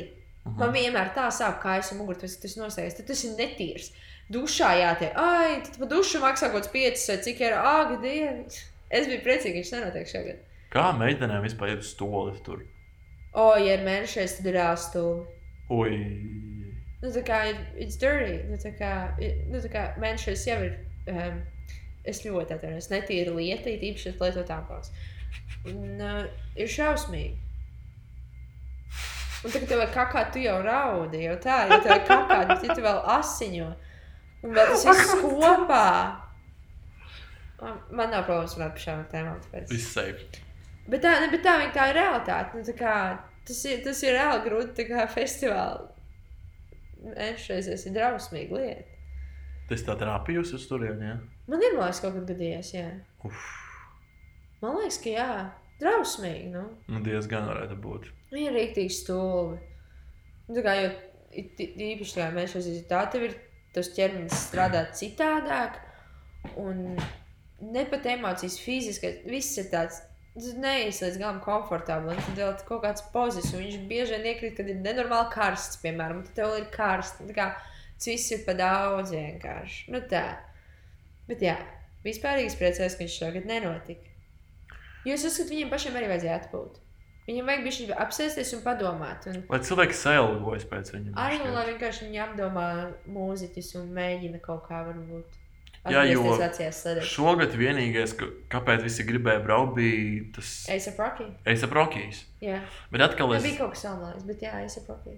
Jā, Ace Rokijs. es dzirdēju vienu stāstu par Ace Rokiju. Mm. Viena, di- viens DJs no Krievijas stāstīja, viņa ir bijusi viņa iz, uh, live koncertā. Okay. Viņa teica, tas bija sliktākais koncerts, ko viņa kad ir bijusi. Bet tā var gadīties. Jo viņš jā. laivā vienkārši neprot. Viņš neprot laivu. Viņam, viņam viņš nemāķi ar balsi tā strādāt, lai laivā spētu nodziedāt. Bet tas tik bēd, nopietni. Es neesmu skatījies uz laika koncertu, jāapskatās. Uh -huh. Well, that's sad. Uh -huh. Zinu, kurš bija mans pirmais pozitīvs, Uh -huh. kad uzstājās Muse. Ak, mans dievs! Un tur, tur ir tā, ka ir lielais skatuve, nu, viņi ir tā kā tuvu jūrai, un tāds bija kāpas. Sorry. Un kāpas. Un es atceros, stāvēju ar māmu, patēvu. Leo bija, man liekas, tikko piedzimis ratiņos, un mēs Wow. klausījāmies mīlestības koncertu. Ak, mans dievs! Jā. Viņam bija tas šovs kaut kāds sataisīts, vai nebija? Kaut kas bija, tas bija maziņš, man bija 9 gadi vai 10 gadi. Kaut kas bija, bet jā, tas bija mans pirmais pozitīvs. Man lielākā skaudība laikam, bija uz Anniju, kad viņa stāstīja, ka viņa bija pozitīvā, kur spēlēja placebo. Jā, es arī tur biju stāvējis pašā priekšā. Ak, Man raudāja viss koncerts. Tā gribu uz pl- placebo koncertu. Vienkārši. Ah, Un mēs taču bijām. placebo. Nu, jūs bijāt, es Ah, tu nebija. Mēs rādnī bijām. Jā. Es esmu bijis tādā, es esmu bijis Cik tu esi bijusi? trīs. Nu, par trīs vairāk nekā es. Jā, jo es biju pozitīvs. Tad bija tas ar Rāniju, tad vienreiz bija vēl arēnā arī kaut kāds gads atpakaļ. Wow. Mums bija viena pati, tā kā vienreiz arēnā. wow. Tā kā pēdējā, kas bija arēnā, mēs bijām ar Rāniju un Elīnu. Un tad bija kaut kas vēl, jā, un es biju viena pati. Es ļoti labi atceros, jā. Um, par arēnu runājot, tas mūsu koncerts kad bija arēnā pēdējais, simulation theory, tāda stūra viņiem. Es biju vienkārši ahujā no tā, ko viņi vispār darīja. Skatuves. Kad mēs bijām, jā, kad es tas vienkārši kaut kāds sajauts mūziku, ne, plasībos es redzēju divreiz. sajaucu mūziku plasībā. Jā, ārprāt šausmas. Es vienkārši jaucu koncertu tūmā. jā, jo Nē, nē, jā, plasībos es redzēju divreiz. Es redzēju trīs. Divas. tu biji uz drons, Mēs bijām arēnā. uz drons, un tu biji arēnā uz uh, simulation theory, kas bija pēdējais. Kur es, kur es biju, tikai es biju viens pats aizgājis tālāk, tuvāk Jā. nekā jūs. Jūs nācāt vienkārši Pagaidām, ārā. man jāapdomā. Mūzikas. Tātad pozis. Mm -mm. Es esmu bijis pozī. Es esmu bijis Itālijā. Sīka. Mhm. Un uh, es esmu bijusi uz to, kur mēs bijām. Nu, kur tu biji kaut Jā. kur nesenā. Man liekas, trīs tikai man ir. Nu, stils, Jo bija vēl viens viņam, jā, arēna Rīga, bet es nebiju uz viņas. Tas man patīk gāja, un es nebiju uz to koncertu. Vai Mhm. nu es biju galīgi sīka, vai es, nu, es neatceros to, kas tipa, vēl cik gadus atpakaļ bija arēnā. Es nebiju. Bet es jau sāku jau grupu sākot, drausmīgi. Mūzika man mīļākā lieta dzīvē, es jaucu visu. Nu, tas tā varētu gadīties. Jā. Um, kas ir tavs mīļākais koncerts, ko tu atceries, ka tas bija vienkārši tāds - what the fuck, tāds sprādziens smadzenē vienkārši. Vai ir bijis tāds vispār? Tā. Vai tev vienkārši viss ir tik fantastiski, ka tu nespēji izvēlēties vienu? Visdrīzāk tā, tāpēc, ka es esmu bijusi, izklausīsies šausmīgi iedomīgi. Es ļoti es neesmu iedomīgi. Es esmu bijusi tiešām ļoti daudz koncertiem. Mhm. Un es teiktu, ka arī, nu, es skaitu klāt arī pozitīvus, kas vienkārši trīs dienas koncertu non-stopā. Bet tā kā Jā, es esmu bijis ļoti daudz koncertiem, un uh, man aiziet uz koncertu. Gan drīz vai tā kā man patīk tik daudz dažādu mūziku, patīk tik daudz mākslinieku, ka man ir vienalga, bet vienkārši būt koncertā, priekš manis ir viss, kas man ir vajadzīgs. Un es par visiem esmu šausmīgs. Es gan nezinu, kurā koncertā raudu. Es vienkārši raudu, jo man vienkārši nāk emocijas, man liekas, ka Dievs cik forši. un tā Kā, tāpēc es nevaru izvēlēties, kā, kas būtu tāds feju, feju. Bet um, man jāapdomā, kādam tēmiem pāla. es tieši gribēju teikt, ka bija pala varētu būt tavs. Tēmiem pāla bija. Jo tu biji vienkārši nežēlīga hypā par viņu, tā kā ļoti kliedzi. Es, es, ne, es nezinu. Tā kā es, man liekas, ka viņi nekad nepiemina, tāpēc ka viņi tā kā pazuda, jo tas, tās emocijas bija tik daudz, ka es pat ne, es nespēju ar viņiem dīlot. Tā kā tik traki es nevaru. Mm, Bet, jā, tā bija pala. Tas bija vienkārši amazing. Un uh, man bija plānots, ka šogad atkal braukšu, bet Covid-19 uzbruka un nevis pārcēla koncertu, bet atcēla. Jā. Vai kaut kas bija par pārcēlu pēc tam? Kaut kad vēl es viņam maijā jābūt, varbūt es nezinu, ka jau viņš nebūs. Bet jā, nu jā, Tēmim Pala. Tēmim Pāls koncertās bija Londonā, tā kā arēna, tāpat kā arēna Rīga, tikai, protams, 50 reizes lielāka. Tur cilvēki iekšā kurī zāli. pff, Telpā. Man bija tāds lavdēt vienkārši aiziet. Ritīgi, stilīgi. Visiem vienalga. Kāda vēl koncerta? Man tas liekas, atceros labāk nekā es skatos nu, labi, protams, Muse. Nu, tas tā kā vispār. Tur nav jautājumu. Muse vienkārši vienmēr ir tāda crazy ar šovu. Un, jā. un Muse vienkārši ir amazing. Marks tagad sāk dirsties par to, jo viņam nepatīk mūzika. Nopietni? Viņš ir ļoti interesants cilvēks, tādā ziņā, ka viņam nepatīk mūzika. Ok. Bet uh, es vispār, es atceros, kad mēs sākām mācīties kopā. Jā. Es biju šokā, ka jūs, piemēram, to Nānijas mēs ir jūs. Tāpēc, ka pārsvarā mūsu vecuma cilvēki nezina jūs. jā, jo viņi diezgan tādi old school. Ir samā, jā. Tāpēc es, es, es drīzāk pārsteigtu par to, ka, ka tev tik ļoti patīk un ka tu vispār zini viņus. Man tiešām ļoti patīk. Jā, man mūzika. arī Jā. ļoti. Kāda Lai- vēl? Laikam no tādiem izpildītājiem, kuriem es tiešām gribētu, tiešām uz viņu koncertu būtu placebo. Noteikti kaut Jā. vai vienreiz dzīvē. Jā, Kaut kāds radioheads būtu noteikti ļoti tieši skaists. gribēju tev prasīt jautājumu, kas būtu tavs sapņu koncerts. Kaut kāds Jo man atbild būtu radio. kaut kāds radioheads, jā, noteikti. Es esmu pilnīgi apsēsta radiohead. Es neteiktu, ka esmu baigais fans radioheadiem, bet man šķiet, ka man vienkārši ļoti patīk tā atmosfēra. Un Tā tas, ka vienkārši ļoti leģendāra grupa. tieši Viņi ir ģeniāli. Tā mūzika ir ģeniāla. Tāpat kā tēmā pāri, viņi vienkārši ir ģeniāli. Tu nevari citādi to noraksturot. Jo viņi kaut kādā veidā izmanto tādus trokšņus, viņi burtiski tā kā tā trokšņa mūzika pa, pa, pa lieliem vilcieniem. Tas skan tik skaisti, Jā. tik interesanti. Tāpat kā kaut kāds kaņē vests, piemēram. Viņš arī tik ļoti, tu vispār klausies kaņē vests? Jā, protams. Nu, tā kā ne tā kā ļoti, bet jā. Jā, un viņš arī tā kā, piemēram, tas viņa albums eh, Viņš ir mākslinieks. Oh, jā. tā kā tik daudz izrāda dīvainu trokšņiem, I am the God, like, vienkārši non-stop troksnis. Jā, Bet tik skaists troksnis. Tā kā tu vienkārši izbaudi to troksni. jā. Ah, Tu arī zini, Boniver. gan jau zinu, bet Es vienkārši. saprotu, ko zinu. Viņam tas Džeks, viņš ierakstīja albumu. kā bija viens pats visu albumu, tā kā visus instrumentus, visas skaņas pats, viens Wow. džeks. Kaut kādā tur trailerī mežā es neatceros, kaut kas tāds bija.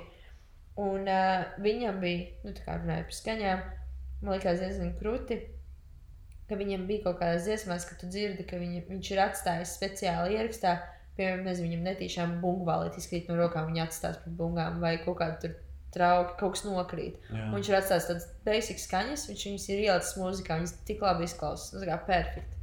Wow. Rītī forši tev atsūtīšu, parādīšu noteikti. Hmm. Tas man ļoti patīk. No latviešu grupām es laikam gribētu ļoti aiziet uz Nikto. Tu noteikti nezināsi Nē. viņus. Viņiem ir izgājis viens debijas albums, tev viņi noteikti parādīšu. Okay. Viņa ir krievu grupa, Jā, viņa dzied krieviski. Un Čalīti pat to grupu pat uh, Austrijas balvai nominēja. Oh, tā kā tik ļoti labs Oh, albums. Viņš ir fantastisks. Un um, Mareks bija ar uh, meiteni, savu meiteni Aivitu. Mhm. Un Aivita stāstīja, ka viņa tur apraudājās. Man ir tik ļoti Oh, oh, wow. emocionāls viņš ir. Un tā tiešām mūzika, ka es atceros, vienreiz klausījos vienkārši kopā ar kādu. Um, mēs skūpstījāmies tajā laikā, kad klausījāmies, un actually apraudājos, klausoties oh. Vienas dziesmas. Tas bija tik fucking skaisti. tev man jāatsūta. Tas noteikti. Noteikti, jā, tas albums vienkārši fantastisks. Nu, es gribētu. No ārzemju, es domāju, mūziķiem, Jā. tur saraksts ir kā vai drausmīgi liels. Es nevaru tā kā. Harry Styles, please, lūdzu, give me. Jā, I'm that bitch. I love Harry Styles, un es dievinu Radiohead, es klausos jebko. Tā kā man nav kauns, man patīk arī One Direction, un man vienalga, ko cilvēki man saka. Nu, tā kā es varu klausīties jebko.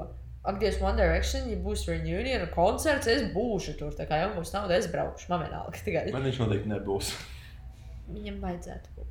Tur ir Es- daudz baumas, pārāk ilgi. Kaut kas notiek točs. Uh, Nu, nebūs gan jau. Nu, es nezinu. Labi. Ja man būtu jāsauc One Direction vai Harry Styles, Harry Styles 100%. Nu, Tā kā tur nav vispār variantu. No latviešiem instrumenti. Ak, man. tu biji viņu tajā Es koncertā. bijis, man liekas, pilnīgi visos instrumentu Arī koncertos. tajā pēdējā, kas viņam bija. Jā, Es biji bijis kā visām turēm, nu, tā kā, vis, nu, tā kā uz vienu koncertu. kā Es bijis visās turēs. Kā Es esmu bijis visos instrumentu koncertos. Dievinu. Man Jā. instrumenti ir Instrumenti ir Jā. ļoti. Jā, Latviešu noteikti mīļākā grupa arī ģeniāli čeki. tieši tā. Jā. Tā mūzika ir pilnīgi šīza.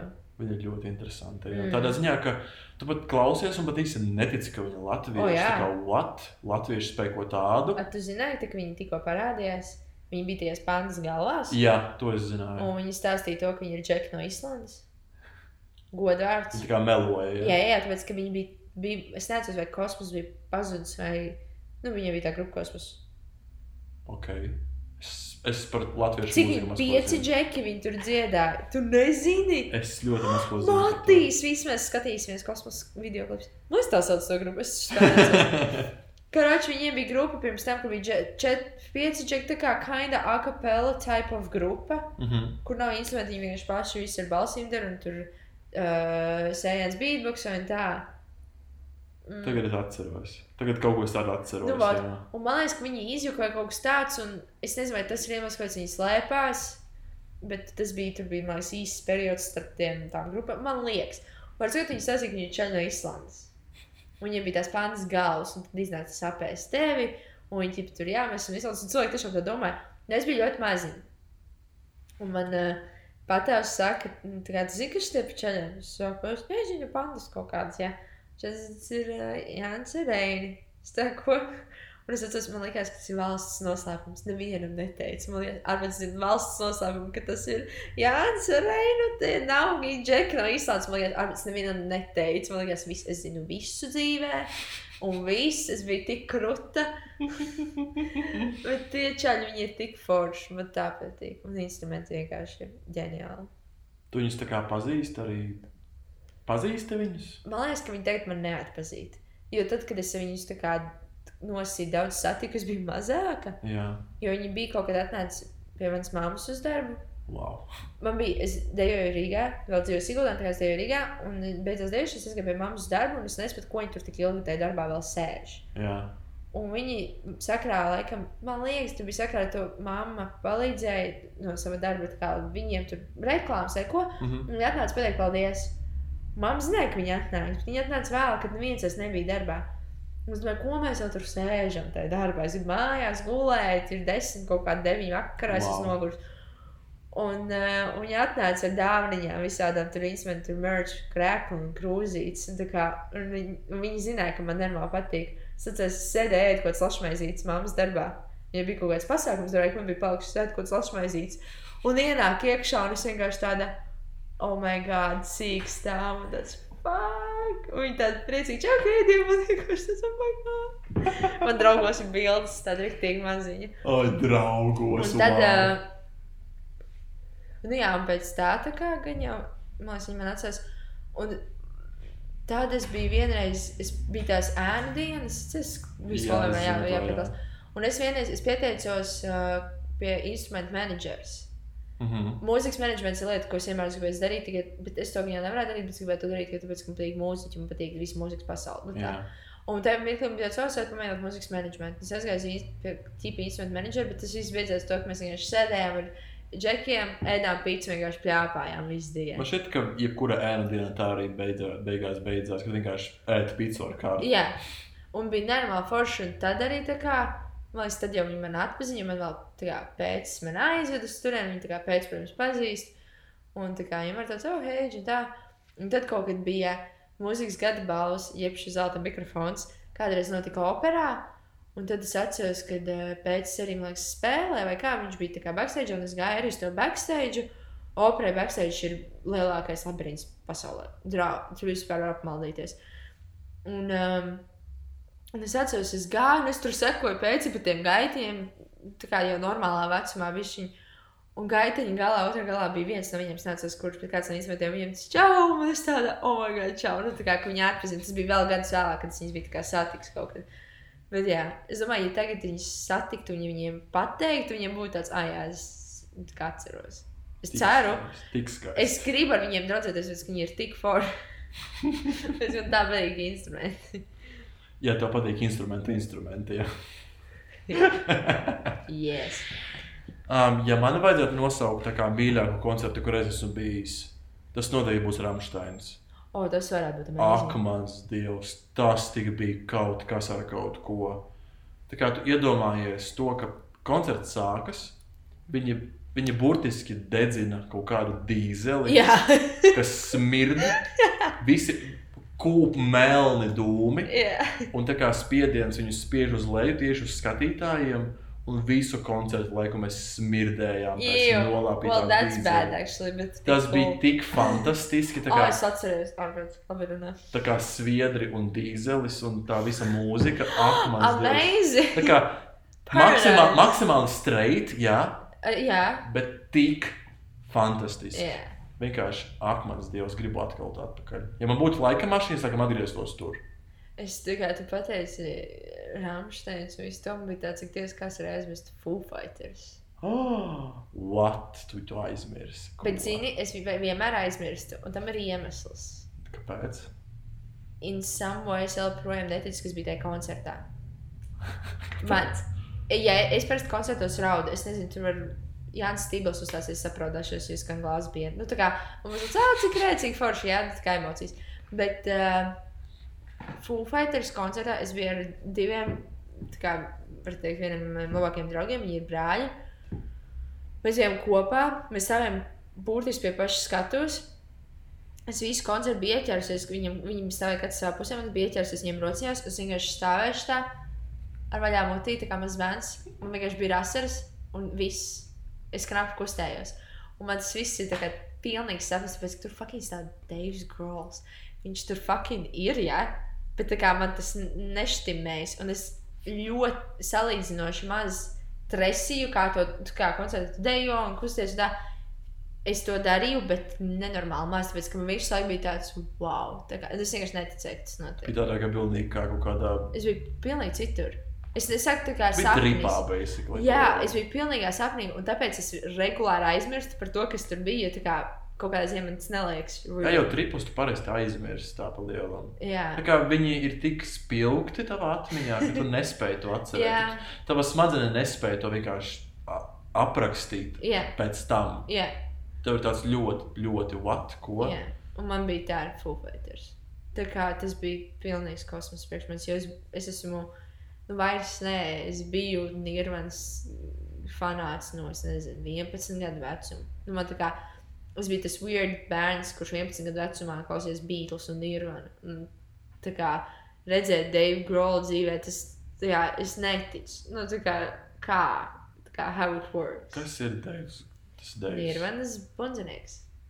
Ah, wow. Fighters solists ir Nirvanas bundzinieks. Ah, ok, tagad man ir vēl lielāks Tāpēc tas viss Ok. tā kā man bija vienkārši Nu jā, kosmos. nu jā, nu jā. Es vienkārši ļoti slikti zinu vārdus. Jā, viss kārtībā. Tāpēc, jā. Jā. Bet, wow, ok. Un tad uh, uh, Fufetras spēlē vēl viens žeks, kurš arī piedalījās dažreiz Nirvanai koncertos. Wow. Jā.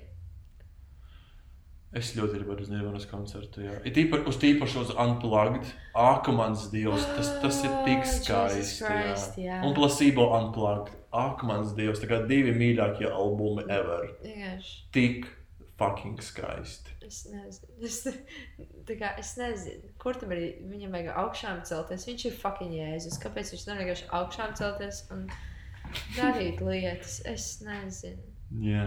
Kā tev liekas, Kortnī viņa nogalināja, viņš uztaisīja pašnāvību? Es par viņu diezgan maz zinu. Es zinu, ka, es zinu, ka Viņam- viņš ir kurds kobains, bet tas ir viss, ko Nu, es viņš zinu par lielu. no Un, viņ, un viņš laiku spēlē, viņš laiku uh, spēlēties savā kardigānā, kur nesam pārdepa nežēlīgu naudu. Jā, vajadzēja man nopirkt. Um, es tiešām labprāt. Um, kā viņš nomira, jo viņš tā kā sev, viņš it kā uztaisīja pašnāvību. It kā? Kāpēc saki it kā? Jo ļoti daudz teorijas, ka viņš to neizdarīja pats, bet piemēram, ka Kortnī viņa sieva viņu nogalināja, Jo? jo viņš sev šāva ar bisveidīga izskata. Es nezinu, kā sauc ieročus. Es saku, bija nu, tā kā liela ieroci, ar kuru tu knapi vari aizsniegt. Tā kā tādā Ah, pozīcijā. ok, es sapratu, jā. Uh, tāpēc ir visādas mahinācijas par šo. Ah, Jā. what? Wow. Bet es, es ļoti ceru, ka to neizdarīja viņa sieva. Nu, tā kā Jā. izklausās bet labāk, lai viņš pats to būtu izdarījis, nevis viņa sieva. Nu, tā kā, jo tas būtu stulbi. Bet neviens to nav pierādījis. Viņa vēl staigā brīvi dzīvo, viss kārtībā. Bet ir ļoti daudz teorijas, un to izdarīja viņa, tur vēl viss kaut Bet es vienmēr esmu dzirdējis, ka viņš rev... izšāva vienkārši ar revolveri sev. Tur bija kaut kāds brīnums, ka tas ierodas. Tas ierodas bija pietiekami liels, ka viņš. Nu, tāp, nezinu. Nu, Ir tad- bildes vispār. Tas ir tas pats, kas ar Vanu Gogu, piemēram. Jo viņš arī uh, sevi, viņ, nu, tā kā ir zināms, ka viņš sevi nošāva pats. Ir pat tā glezna ar to um, uh, lidojošiem putniem prom. Es gan jau redzēju, Mhm. gan jau arī skatu, klausītājs to zina. Uh, ka ir tā glezna, un viņš speciāli nopirka savu revolveri, lai varētu no, uh, redzēt, kā putni lido prom, kā, kā tas izskatās. Ah, ok. Uh, Heidiem šādi rāda. Ko to ieroci, jā. To ieroci, jā. Ok, man vienmēr likās, ka viņš ar revolveri šo Mm. nošāva. Wow. Jā, Par revolveru man ir cits stāsts, runāt tālāk. ok. Jebkurā gadījumā. Um, Van Gogs jau nopērka revolveri, lai varētu izšaut gaisā, un visi putni kā lidos prom. Jā, Un bija prikals ar to, ka viņš sevi nenošāva tā kā, nu kā tu parasti sevi nošauji. Protams, ka lodi galvā vēl kaut kā, bet viņš nešāva galvā, jā. viņš, viņš iešāva sev vēderā, neskapēc. ok. Un bija tās teorijas, ka, bija, ka, viņu, ka viņu sašāva, ka, Jā. ka, ka, ka tas nenošāva sevi. Pat tajā ten, uh, bija izlaista kaut kāda animācijas filma, kas bija pilnībā visa noglezno, pilnībā visa sastāvdaļa no gleznām. Pa katrs, Tā kad... Van Gogha filma. jā, jā, jā, katrs, mm. katrs kadrs bija glezna. Jā, Arī nesen izgāja tā filma, kur bija filma kā Van Gogs. jā, Bet pirms tam bija arī kā, kā tā, tā gleznotā multene. Ok, jā. nu, tip multene. jā, jā. Un tur kādreiz rādīja to, ka bija kaut kāds rucis čalis, kas skaidri viņam apkārt.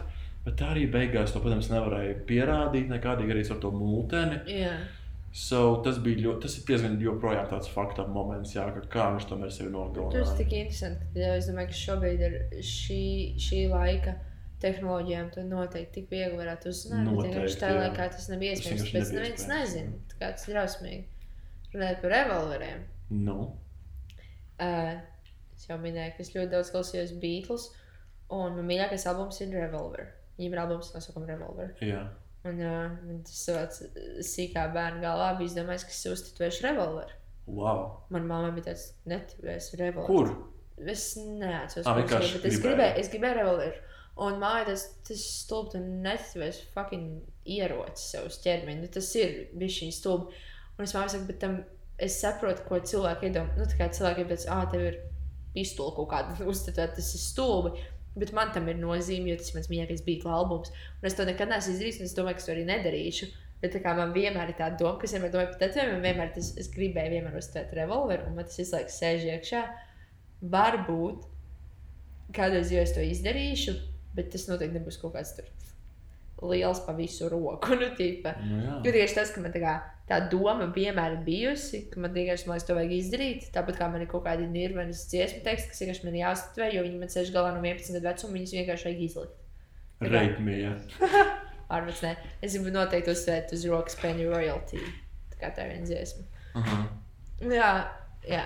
Tas revolveru lieta ir tāda jocīga. Paldies Dievam, man nav revolveris uzstādīts. Tas, tas būtu vienkārši. Es atceros, kādu sūdzējies, ka tu vēl pirms Latvijas simtgades uzstāvēji sev Latvijas zīmes. Un tad sākās Latvijas simtgade, un vienkārši visi sāka viņus tetovēt. Kā tu sūdzējies man? Eh, Man pirmais, pirmie divi tetovējumi ir latviešu zīmītes. Ah, ok, pat pirmie pilnīgi. Jā, jā, tas bija man pats pats pirmais tetovējums, tas, kas uz rībām man laimes zīmīte, tur ir tā skuņa. Aha. Es beidzot tetovēju, man bija 14 gadi. Es tetovēju gribēju jau no bērnu dārza laika. Uh, un māma, protams, bija, nē, bla, loģiski, man ir 14 gadi, kāds tetovējums. Mhm. Un es tik ilgi lūdzos, un es vēl tur taisīju mašīnācijas, teicu, ja tu man neļausi, es iešu taisīt pie pankiem dzīvokli, un viņi reāli noticēja, ka man, liekas, viņi noticēja, ka to izdarītu. Jo man liekas, ka tas to būtu izdarījis. Zinot tevi, es arī Jā. noticētu. Un, uh, un man liekas, ka tāpēc mamma man atļauj, es nezinu, kāpēc viņa man pēkšņi atļauj 14 gados bērnu taisīt tetovējumu, bet uh, nezinu arī, kā mēs nonācām pie tā, ka man jātaisa latviešu zīmītes, bet tas nebija, tā mirklī tas vispār nebija tas mainstream prikols, ka Jā. tas ir tagad, nu vairs ne, bet bija. Un man, man ir divas latviešu zīmītes uztvērts. Viņas izstāsta forši, viss cool. Un tad sākās tas bums.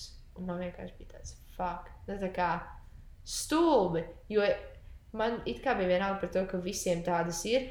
Bet es negribēju, lai cilvēki domā, ka es arī biju tajā Viena laikā. No, tiem visiem. Jā. Jā.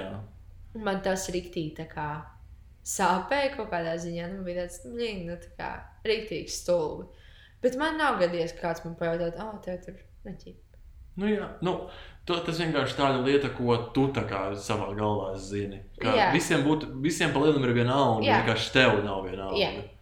Tāpēc tas ir tāds sāpīgi priekš tevis. Tas tā kā stulbi. Man atkal ar tetovējumiem ir tā, ka es īsti laikam pat, varbūt arī negribu tetovējumu, bet es gribu sev industriāli ausī. Tieši kreisajā Ā, ausī, jā. tāda, zini, kas ir industriāls, jā. tas Tā vienkārši stieplīt tāda. Jā, Bet es burtiski šodien, tieši šodien aizrakstīju savai draug, vienīgā draudzenei, ko zinu, kurai ir industriāls. Viņa saka, ka viņš dzīst astoņus mēnešus. Jā, tas, tas ir ļoti sarežģīts process.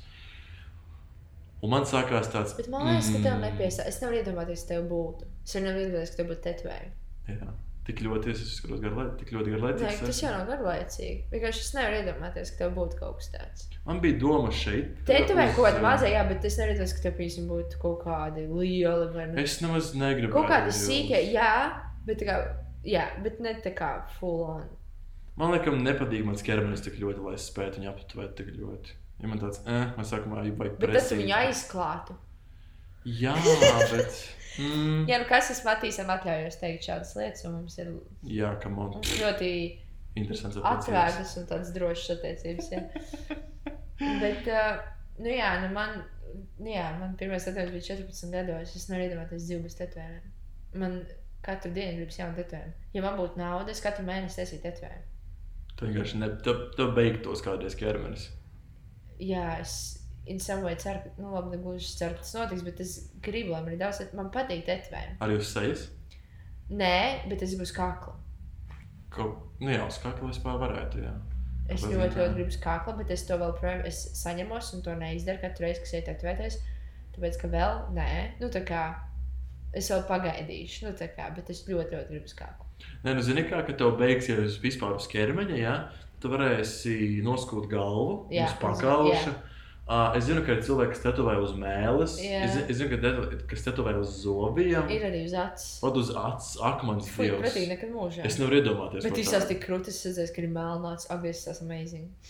Es esmu weird. I'm Varbūt, varbūt, bet mm, Ah, man ir problēma pat iepilināt savā acī kaut ko. Tāpēc es es, varu noteikti acīm. jā. Es nevaru iedomāties tetovējumu uz acis. Nē, sev. es Ak, negribētu. mans, di- Lai kāds ar adu, ak, mans dievs, ar adatu līst man acīs šausmas. Ejiet, ak, jūs.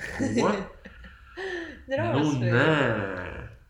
Ah, Bet, jā, tetovējumi ir amazing lieta. Man ir visādi jocīgi tetovējumi. Man jaunais trends taisīt tetovējumus uz kājām. Ļoti patīk. Kaut gan es pēdējos neuztaisīju uz kājām, bet man ļoti gribas uz kājām. tev pat tas mākslinieks, kāds Kristians Brekta. Brekta, jā, tā ir es mīlu Brekta. Brekta, viņš to klausies fucking amazing. Tas. Viņš ir amazing, Džeks. Viņš ir tik jauks. Viņš ir superīgs cilvēks. Un man nenormāli patīk viņa māksla.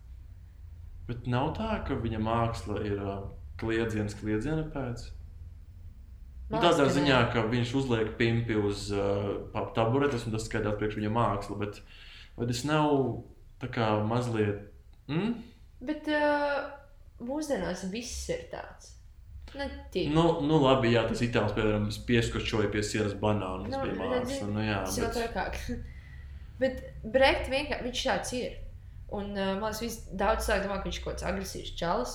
Jā, tāds. bet tas vienkārši tā rodas ilūzija, jo visi viņa darbi ir Viņš ir tādi. nenormāli jauks džeks. Mēs bijām ar Cindy ar vlogs, kur mēs gājām pie viņa tetovēties. Mhm. Arvis bija tik nenormāli nājas. Viņš kā tiešām viņš ir mīļš, šausmīgi jauks cilvēks, nenormāli foršs. Tad Viņš dažreiz aiziet uz lokālu, piemēram. Es viņu vienreiz satiku kaņepē, viņš man sāmīļoja, sābičoja, kā te vieta. Tā kā šausmīgi jauki, man nenormāli viņš patīk. Es laikam pat nezinu, kā viņš izskatās īsti. Es tik ļoti par viņu Viņam nav matu, Okay. viņam nav skatu galvi. Um, viņš ir diezgan jauns. Jauns? Es nezinu, cik viņam gadi. Man liekas, viņam- 40. Man liekas, viņam ir tā kā pārčēs. Nu, kaut Viņam kāda nav- tāda ilūzija, nav vienkārši galda. 40. Tāds īpašs, tāds brekta stils man šobrīd galvā nē, nē, viņam nav 40. Pilnīgi noteikti. Nē. Okay. Viņš ir tiešām foršs džeks. Man viņš ļoti patīk. Viņš ir amazing. Man nenormāli patīk viņa darbi. Es esmu ļoti weird. Un kā viņa darbi priekš manis ir amazing. Es zinu, ka viens brektas darbs stāv nevis kopija pro, bet Merkele drukā. Jā, Tur pie sienas tev Jā. tas galvaskauss. Jā. Tas ir laikam violetā krāsā, ja nemaldos. Nu, es īsti nezinu. Tas izskatās pēc kaut kāda Pinteresta vienkārši darba. viņam tagad ir izstāde vispār. Kur viņi ir? Istaba. Tas Izstāv. ir uh, uz Lemonijas. Ah, Kaut kur tāpat. ir jāaiziet paskatīties. Jā, obligāti. Es iešu, mēs varam aiziet kaut kur. Um, to es negribu redzēt. Es atceros, ka viņam bija viena izstāde, uh, kas bija. Viņam bija akvareļi, ar akvareli gleznotas sievietes, Jā. kas bija ielas meitas, leģit. Maukas ļoti atvainojos uz Lienas ielas, un tas viss ir rajons Grīziņkalns. Un tur bija kaut kāds tāds, ka viņš un viena sieviete kopā gāja pie viņām, un tā sieviete rakstīja par viņām tos stāstus viņu, un Brekti gleznoja viņas. Un viņi tur vēl kaut kādas disposable kameras deva viņiem, lai viņas focē. Nu, tā kā ļoti, ļoti interesanti, kā viņam tas, piemēram, lai uzskat, uztaisītu to izstādi, viss tas process līdzi ir glāzts, viņam bija rākot gadi, viņš, viņš mēģināja, viņš medīja burtiski mauks. Viņš pat tur izvanīja, viņš mums bija RDM vienkārši stāstīja lekciju, nu, tā kā viņš runājās. Mm. Reāli teica, viņš, kā, viņš reāli meklē numurus maukām un zvana. Nu, tā kā viņš saka, man nevajag jūs pakalpojumus, es gribu tikai jūs satikt, viņiem tāds what the fuck. Nu, kā, kas pasūta. Un viņam bija šausmīgi grūti kā, to visu realizēt. Nu, Tāpēc, protams. viņām ir tāds, ko tu gribi no manis. nu, Jā, tā kā. nu, mums vajag pīsties, nevis gleznot. Jā, mums vajag naudu, vai arī viņām bail no mentiem. vai Nu, kaut kas Nu, jā. tā kā ļoti interesanti. ka Nav tā, ka viņam tie darbi vienkārši ir psiho visi. Nu, ķip. Protams, ir arī psiho. Viņam bija darbi, kur ir. Uh, Tā, nu, viņam bija dildo ar kaut kādām naglām cauri. Vai nu kaut kāda tāda triko. Bet tie ir interesanti. Viņam ir rītīgi jocīgs mindsets, bet tas ir rītīgi forši. Un es pīsmu no viņa ļoti iedvesmojos. Visur, kur es varu iepīt kaut kādas prezentācijas universitātē, kur es, ja, ja, varu, es vienkārši stāstu par brekti. Nu, man normāli patīk. Mēs varētu nobeigt uz šīs nots.